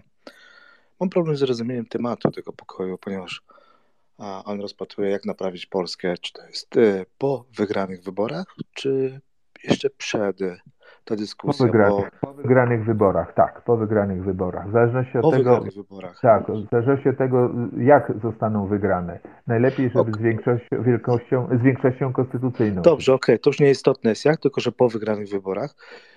Um, no dobrze, to e, ja bardzo chciałem się doczekać też dyskusji e, przez RWP, w jaki sposób przekonać niezdecydowanych. Temat był, chyba też również bardzo interesujący jak ten. A propos jeszcze e, e, e, transport w czasie, mechanika relaktywistyczna wyklucza taką możliwość. No to tyle na temat. Dziękuję ślicznie. Dziękuję bardzo. Pan Artur, tak? Proszę. Dziękuję jeszcze raz za głos. Ja poprzednio tak się zagalopowałem w odpowiedzi do poprzednika, że, że, że nie, nie zdążyłem zadać tego pytania. No chciałoby się ich zadać wiele, ale ja może skupię się na jednym, e, oczywiście przyjmując to optymistyczne założenie, że, że opozycja wygra te wybory, że odsuniemy ten rząd od władzy. Może nie będę, ja jestem wielkim optymistą, Y, ale z takim y, z pesymistycznym zacięciem też jednym. Y, ja bym się chciał dowiedzieć, ponieważ to pytanie padło w zeszłym tygodniu, była była gościem tutaj na, na jednym z twitterowych pokoi pani, pani Wrzosek, pani prokurator Wrzosek i padło bardzo konkretne pytanie i ono na pewno też B, y, przyjmując tą optymistyczną wersję, będzie na to pytanie trzeba będzie sobie odpowiedzieć, co zrobić. Mówi, mówię teraz o wymiarze sprawiedliwości, y, który przynajmniej dla mnie jest takim chyba największym grzechem, który, który ten rząd popełnił. Jakby y, według mnie to jest, to będzie naj, największa skaza na polskiej historii, naprawa tego systemu sprawiedliwości i jakby naprawa tych wszystkich zniszczeń. Chciałbym się dowiedzieć, co pan sądzi, co zrobić z ludźmi, którzy, którzy y, przeniewierzyli się swojej przysiędze, swoim obowiązkom, y, którzy, no mówiąc prost, dali się kupić, y, stwierdzili, że, że kariera jest ważniejsza, y, ja pomijam już problem taki konstytucyjny, który, który będzie wynikał, co zrobić z tymi już kilkoma tysiącami sędziów, którzy zostali wybrani przez NeoKRS, prawda? I nominacje podpisane przez prezydenta, ale to jest kwestia trochę inna. Ale ja bym właśnie bardziej tak chciał pana, o Pana opinię, zapytać o Pana opinię w kwestiach takich bardziej moralnych i etycznych. No bo to też będzie spora liczba osób nagle awansowanych, Y, no wiadomo, wiadomo i, i chciałbym poznać pa, pana, pana opinię. Y, pani Ewa Wrzosek y, akurat była tutaj dosyć radykalna, powiedziała, że no ona uważa, że jednak ci ludzie powinni zostać spoza, poza system wypchnięci bez możliwości wykonywania zawodu. Dziękuję. Panie Robercie, proszę bardzo. W książce chyba znalazłem odpowiedzi na to pytanie, ale się nie wymądrzam, proszę tak. bardzo. Tak, ja, ja też mam tutaj jednoznaczny pogląd. To znaczy, y, wszystkie zawody, które y, no, są, uczestniczą w tym procesie demokratycznym, w demokratycznym państwie y, i, i które zostały, że tak powiem, no, złamane. To prokuratorzy, no to jest przykład właśnie takiego, takiego całego korpusu, który został złamany i który jakby no, zamiast e, uczciwie e, e, ustalać fakty i doprowadzić do tego, żeby prawda wyszła na jaw w postępowaniach sądowych, to jakby dał się podporządkować takim politycznym instrukcjom, które płyną z gabinetu polityka no to, to wszystkie, wszystkie te zawody, wszystkie osoby, które w tym uczestniczą, no jakby muszą ponieść konsekwencje y, tego, że jakby nie sprostały te osoby takim kryterium państwa demokratycznego. Znaczy państwo demokratyczne musi mieć siłę, żeby zapewnić czystość tych swoich y, struktur i wszystkich y, służb, które mają służyć państwu, a nie być skierowane przeciwko istocie tego państwa. E, przy, odwrotnym przykładem są sędziowie, gdzie, gdzie, którzy się nie dali złamać i którzy potrafili się przeciwstawić temu i właściwie tylko garstka sędziów e, e, no, jakby dała się, mówiąc tak brutalnie, skorumpować. Oczywiście, no, tak jak powiedziałem, 3000 sędziów skorzystało z tych awansów za pośrednictwem Krajowej Rady Sądownictwa i pewnie to jest też jakiś ciężar, który na nich przynajmniej w takim etycznym czy moralnym sensie będzie ciążył. W, tym, w przypadku tych, e, tych sędziów, znaczy, ponieważ to jest duża oczywiście e, liczba, to jest duża część sędziów, to jest jedna trzecia prawie sędziów w Polsce, e, to w tym przypadku, znaczy ja tu uważam, że trzeba trzymać się tego, tej, tej uchwały trzech izb Sądu Najwyższego, która to uchwała właśnie stwierdzała, że stronom postępowania należy się prawo do testu y, tych sędziów, testu niezależności tych sędziów i, i w, w ramach tego testu każdorazowo powinno się orzekać, czy stwierdzać, czy, czy postępowanie takiego sędziego, niezależnie od tego, że on został powołany przez tę neo-KRS, czy to, czy, czy to postępowanie jakby miało, no, przynosiło szkodę stronom, czy, czy jakby te, to, że został ten sędzia powołany przez KRS, rzeczywiście powodowało jego nie, jakoś nieobiektywność czy brak obiektywizmu w rozpatrywaniu sprawy. Ja do tego dodaję jeszcze tylko tyle, że, że jeśli by chociaż raz zostało takie, takie sprzeniewierzenie się tej zasadzie e, bezstronności stwierdzone, no to wtedy taki, taki sędzia powinien stanąć przed e, procedurami dyscyplinarnymi z, z, z, z, opcją usunięcia z zawodu również, jeśli to byłoby, byłaby przewina tego, E, tej, tej, tej rangi. E, to tak odpowiadając na to pytanie wprost. E, przy okazji to jeśli można tylko jeszcze powiedzieć dwie takie uwagi na kanwie tego, co, o czym mówił pan Arkadiusz Olszowy, to tak, to, to porównanie do roku 80 i do, do takiego właśnie myślenia o tym, jak, jak budować demokratyczne państwo jest ciekawe, E, ja natomiast jakby też napisałem w tej książce na początku, że, że może nie, sięgając nie do 80, a do 89 roku, że my nie możemy przejść tej samej drogi drugi raz dokładnie po naszych własnych e, śladach, dlatego że no, e, tej, tej podróży nie da się drugi raz odbyć dokładnie w taki sam sposób. I musimy w związku z tym jakby to wszystko wymyślać na nowo, mimo że mamy doświadczenie z, z, te, z tego roku z 89 i następnych lat, to, to i to były dobre doświadczenia i, i dobrze to zrobiliśmy, ale nie możemy tego jakby powtórzyć y, kropka w kropkę.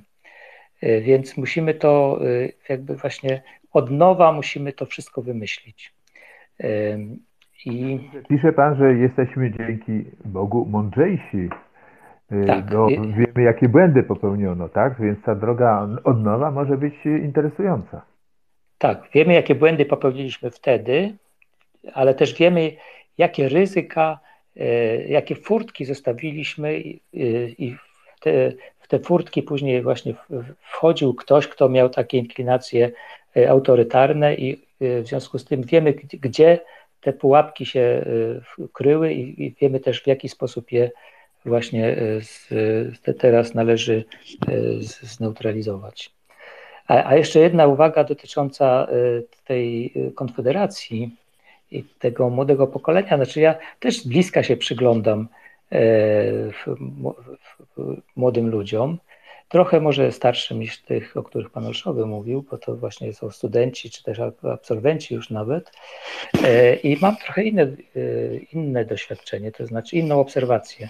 Wydaje mi się, że e, w, w, w tym środowisku i w tym, w tym, w tym pokoleniu właśnie na, pojawiła się taka moda na lewicowość raczej niż na, na, na taką na nacjonalizm i prawicowość taką radykalną, skrajną prawicowość. Tego się obawialiśmy kiedyś. Obawialiśmy się, że, że rosną nam właśnie takie pokolenia nacjonalistyczne, ksenofobiczne. E, natomiast e, te, te, dzisiaj wydaje mi się, że to jednak jest inaczej trochę. Być może jakieś części, e, oczywiście niektórych częściach Polski, być może w niektórych środowiskach, to może takie te, te, te hasła E, nacjonalistyczne e, czy radykalnie prawicowe może mają jakiś, jakiś, e, jakiś większy, szerszy odbiór, ale generalnie wydaje mi się, że w środowisku właśnie młodej inteligencji, studentów, maturzystów, to raczej jest takie oczekiwanie właśnie tego, że państwo będzie przyjazne, tolerancyjne, otwarte, europejskie. To są ludzie, którzy, dla których E, e, korzystanie z tego, że jesteśmy w Unii Europejskiej i ze wszystkich dobrodziejstw członkostwa w Unii Europejskiej jest naturalne i oni tego nie chcą sobie dać odebrać. Także raczej wydaje mi się, że, że to jest e, dobra przyszłość, która nas czeka z tego, ze strony tego pokolenia. E, panie Robercie, mnie brzmi w uszach takie, mm, taka wypowiedź chyba bodajże pana Olachowskiego, który powiedział mniej więcej coś takiego, że po 1989 roku udało nam się uszukać świat Europę, że jesteśmy zupełnie inni, ale po kilkunastu latach znowu okazało się, jacy jesteśmy naprawdę. I to mnie troszeczkę tak bardzo mocno y, prześladuje. To znaczy, mam niestety nieodparte wrażenie, że w tym, co zdaje się pan Olechowski, bo nie jestem tego do końca y, pewien, powiedział, jest sporo prawdy. Potwierdza, Szarku, moje myślenie. Y, oczywiście pan Robert w swojej książce Jak naprawić Polskę głównie zwraca się do polityków, do tych, którzy organizują y, życie polityczne, gospodarcze, administrację. Tak y, natomiast cały czas powtarzam, że trzeba by napisać drugą książkę, panie Robercie, adresowaną do społeczeństwa, do nas. Z grubsza wiemy, no, trzeba iść do, na wybory, hasło stare jak świat i głosować mądrze. No ale Mądrze to znaczy jak? Jak iść na te wybory? Jak głosować mądrze? Co powinniśmy mieć na uwadze? Tylko emocje, czy jednak przed głosowaniem zrobić sobie jakiś taki rachunek i skalkulować, co Polsce bardziej się opłaca? No a do polityków, czy rzeczywiście tylko te słodkie pierniczki mają znaczenie? Chyba nie jednak, ale taka książka by się przydała, taka dobra analiza, którą mógłbym przeczytać żeby się nauczyć głosować. O tak. I korzystać z demokracji. Czy, czy ja mogę? Trzeba, tak, koniecznie. Tak. E, czy, czy, czy to mam traktować jako już taką próbę podsumowania w tej chwili? Tak, bo momencie? Tak, tak, powoli dobiega końca. Tak. Znaczy, ja chciałem powiedzieć, że ja nie pisałem tej książki z, z, z myślą o politykach. E, ja chciałem jakby zwrócić uwagę właśnie nie politykom, tylko y, obywatelom, ludziom, którzy się interesują polityką, którzy interesują się tym, co jest dookoła nich, którzy, którzy chcą, żeby Polska była dobrze zorganizowanym państwem i takim przyjaznym, życzliwym względem siebie wzajemnie społeczeństwem. A, i, natomiast chciałem uświadomić tym wszystkim czytelnikom, że to są bardzo skomplikowane sprawy. To, co przed czym stanie E, staną nie wiem, premier, ministrowie, politycy, posłowie, senatorowie i tak dalej, i tak e, szefowie różnych służb i tak e, bo to, znaczy to naprawdę jest wielka, wielki, wielki wysiłek, wielki trud, żeby to wszystko uporządkować. Okazało się, że przez 8 lat można wszystko bardzo gruntownie zepsuć, natomiast obawiam się, że, że naprawa tego, tych, tych wszystkich zepsutych miejsc będzie trwała znacznie dłużej i będzie wymagała wielkiego naprawdę wysiłku. E, ale, ale nie, nie, nie kierowałem tego do polityków czy do ekspertów partyjnych, bo myślę, że oni e, sami wiedzą lepiej, a przynajmniej tak mi się wydaje. E, więc nie, sądzę, żeby oni akurat byli otwarci na jakieś propozycje, które które płyną z zewnątrz, gdzieś z, z jakichś, spoza ich takich wewnętrznych, wewnętrznych kręgów. E, natomiast chcę powiedzieć tak, no wydaje mi się, że, e, że te wybory zostaną wygrane przez środowiska demokratyczne. Nie, nie, nie wyobrażam sobie, żeby PiS utrzymał władzę po, po wyborach, jeśli te wybory, tak jak powiedziałem, nastąpią w, w, w tym konstytucyjnym terminie. Dlatego, że no, te, tej ekipie wszystko się rozłazi w rękach.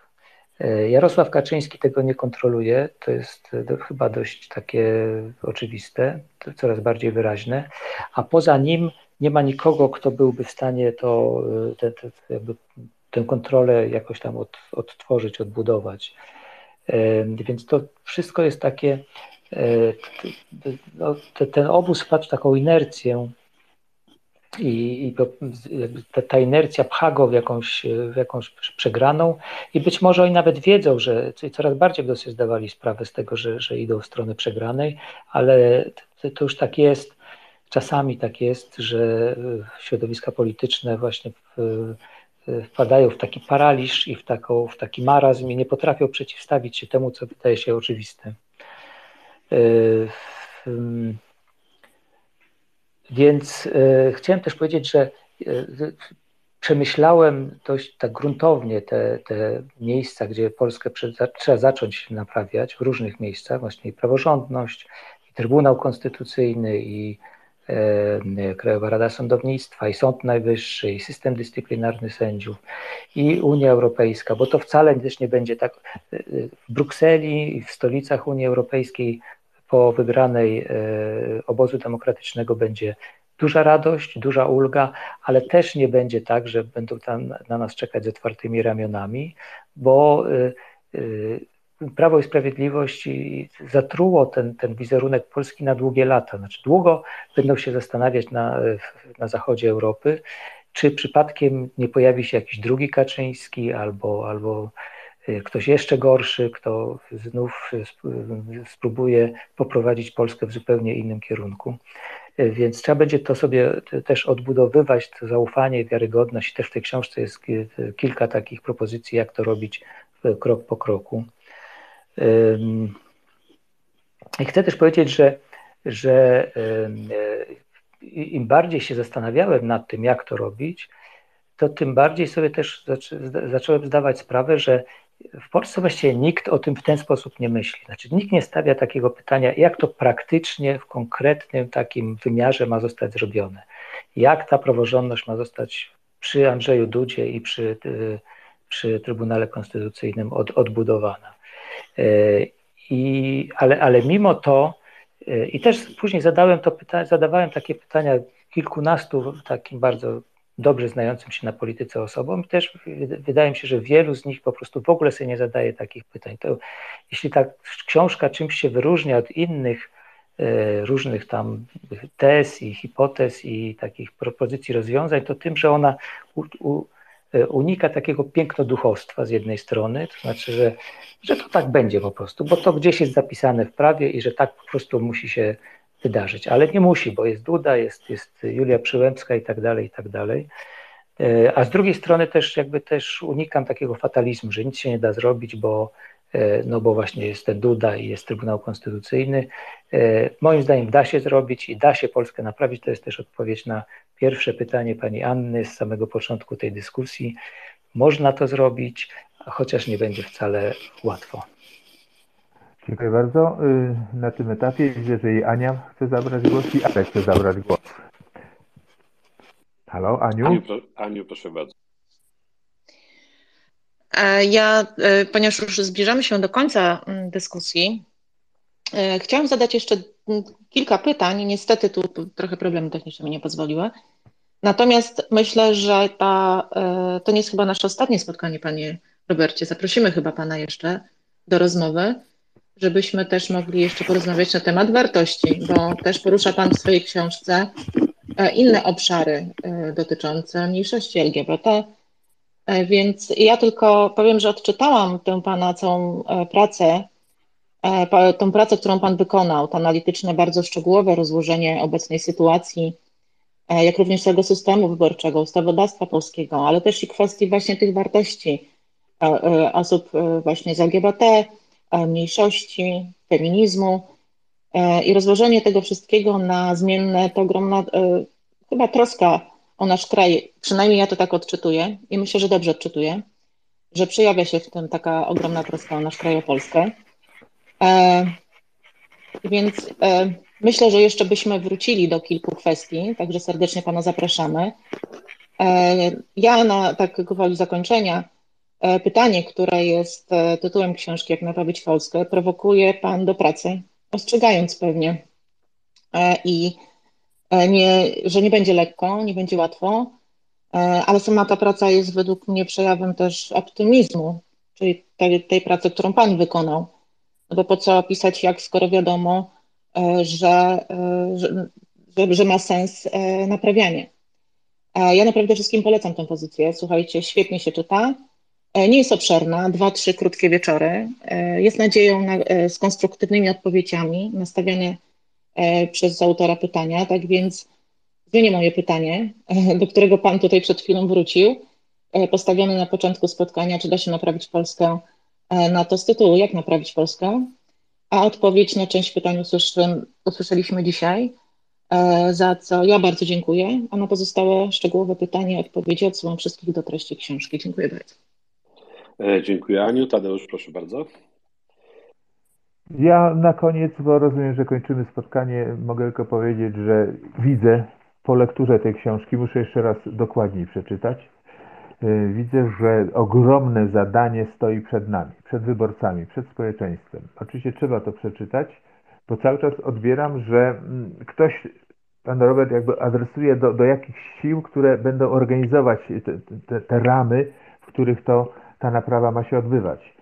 No ale wszystko będzie zależało od nas, od obywateli, jak zagłosujemy, czy zrozumiemy zasady demokracji, czy zrozumiemy, że nie może być tak jak słyszeliśmy, władza nie może mieć wszystkich atrybutów prezydenta, premiera, trybunału, mediów, bo to wtedy rzeczywiście demokracji nie może wtedy być. W takich warunkach demokracja nie może funkcjonować.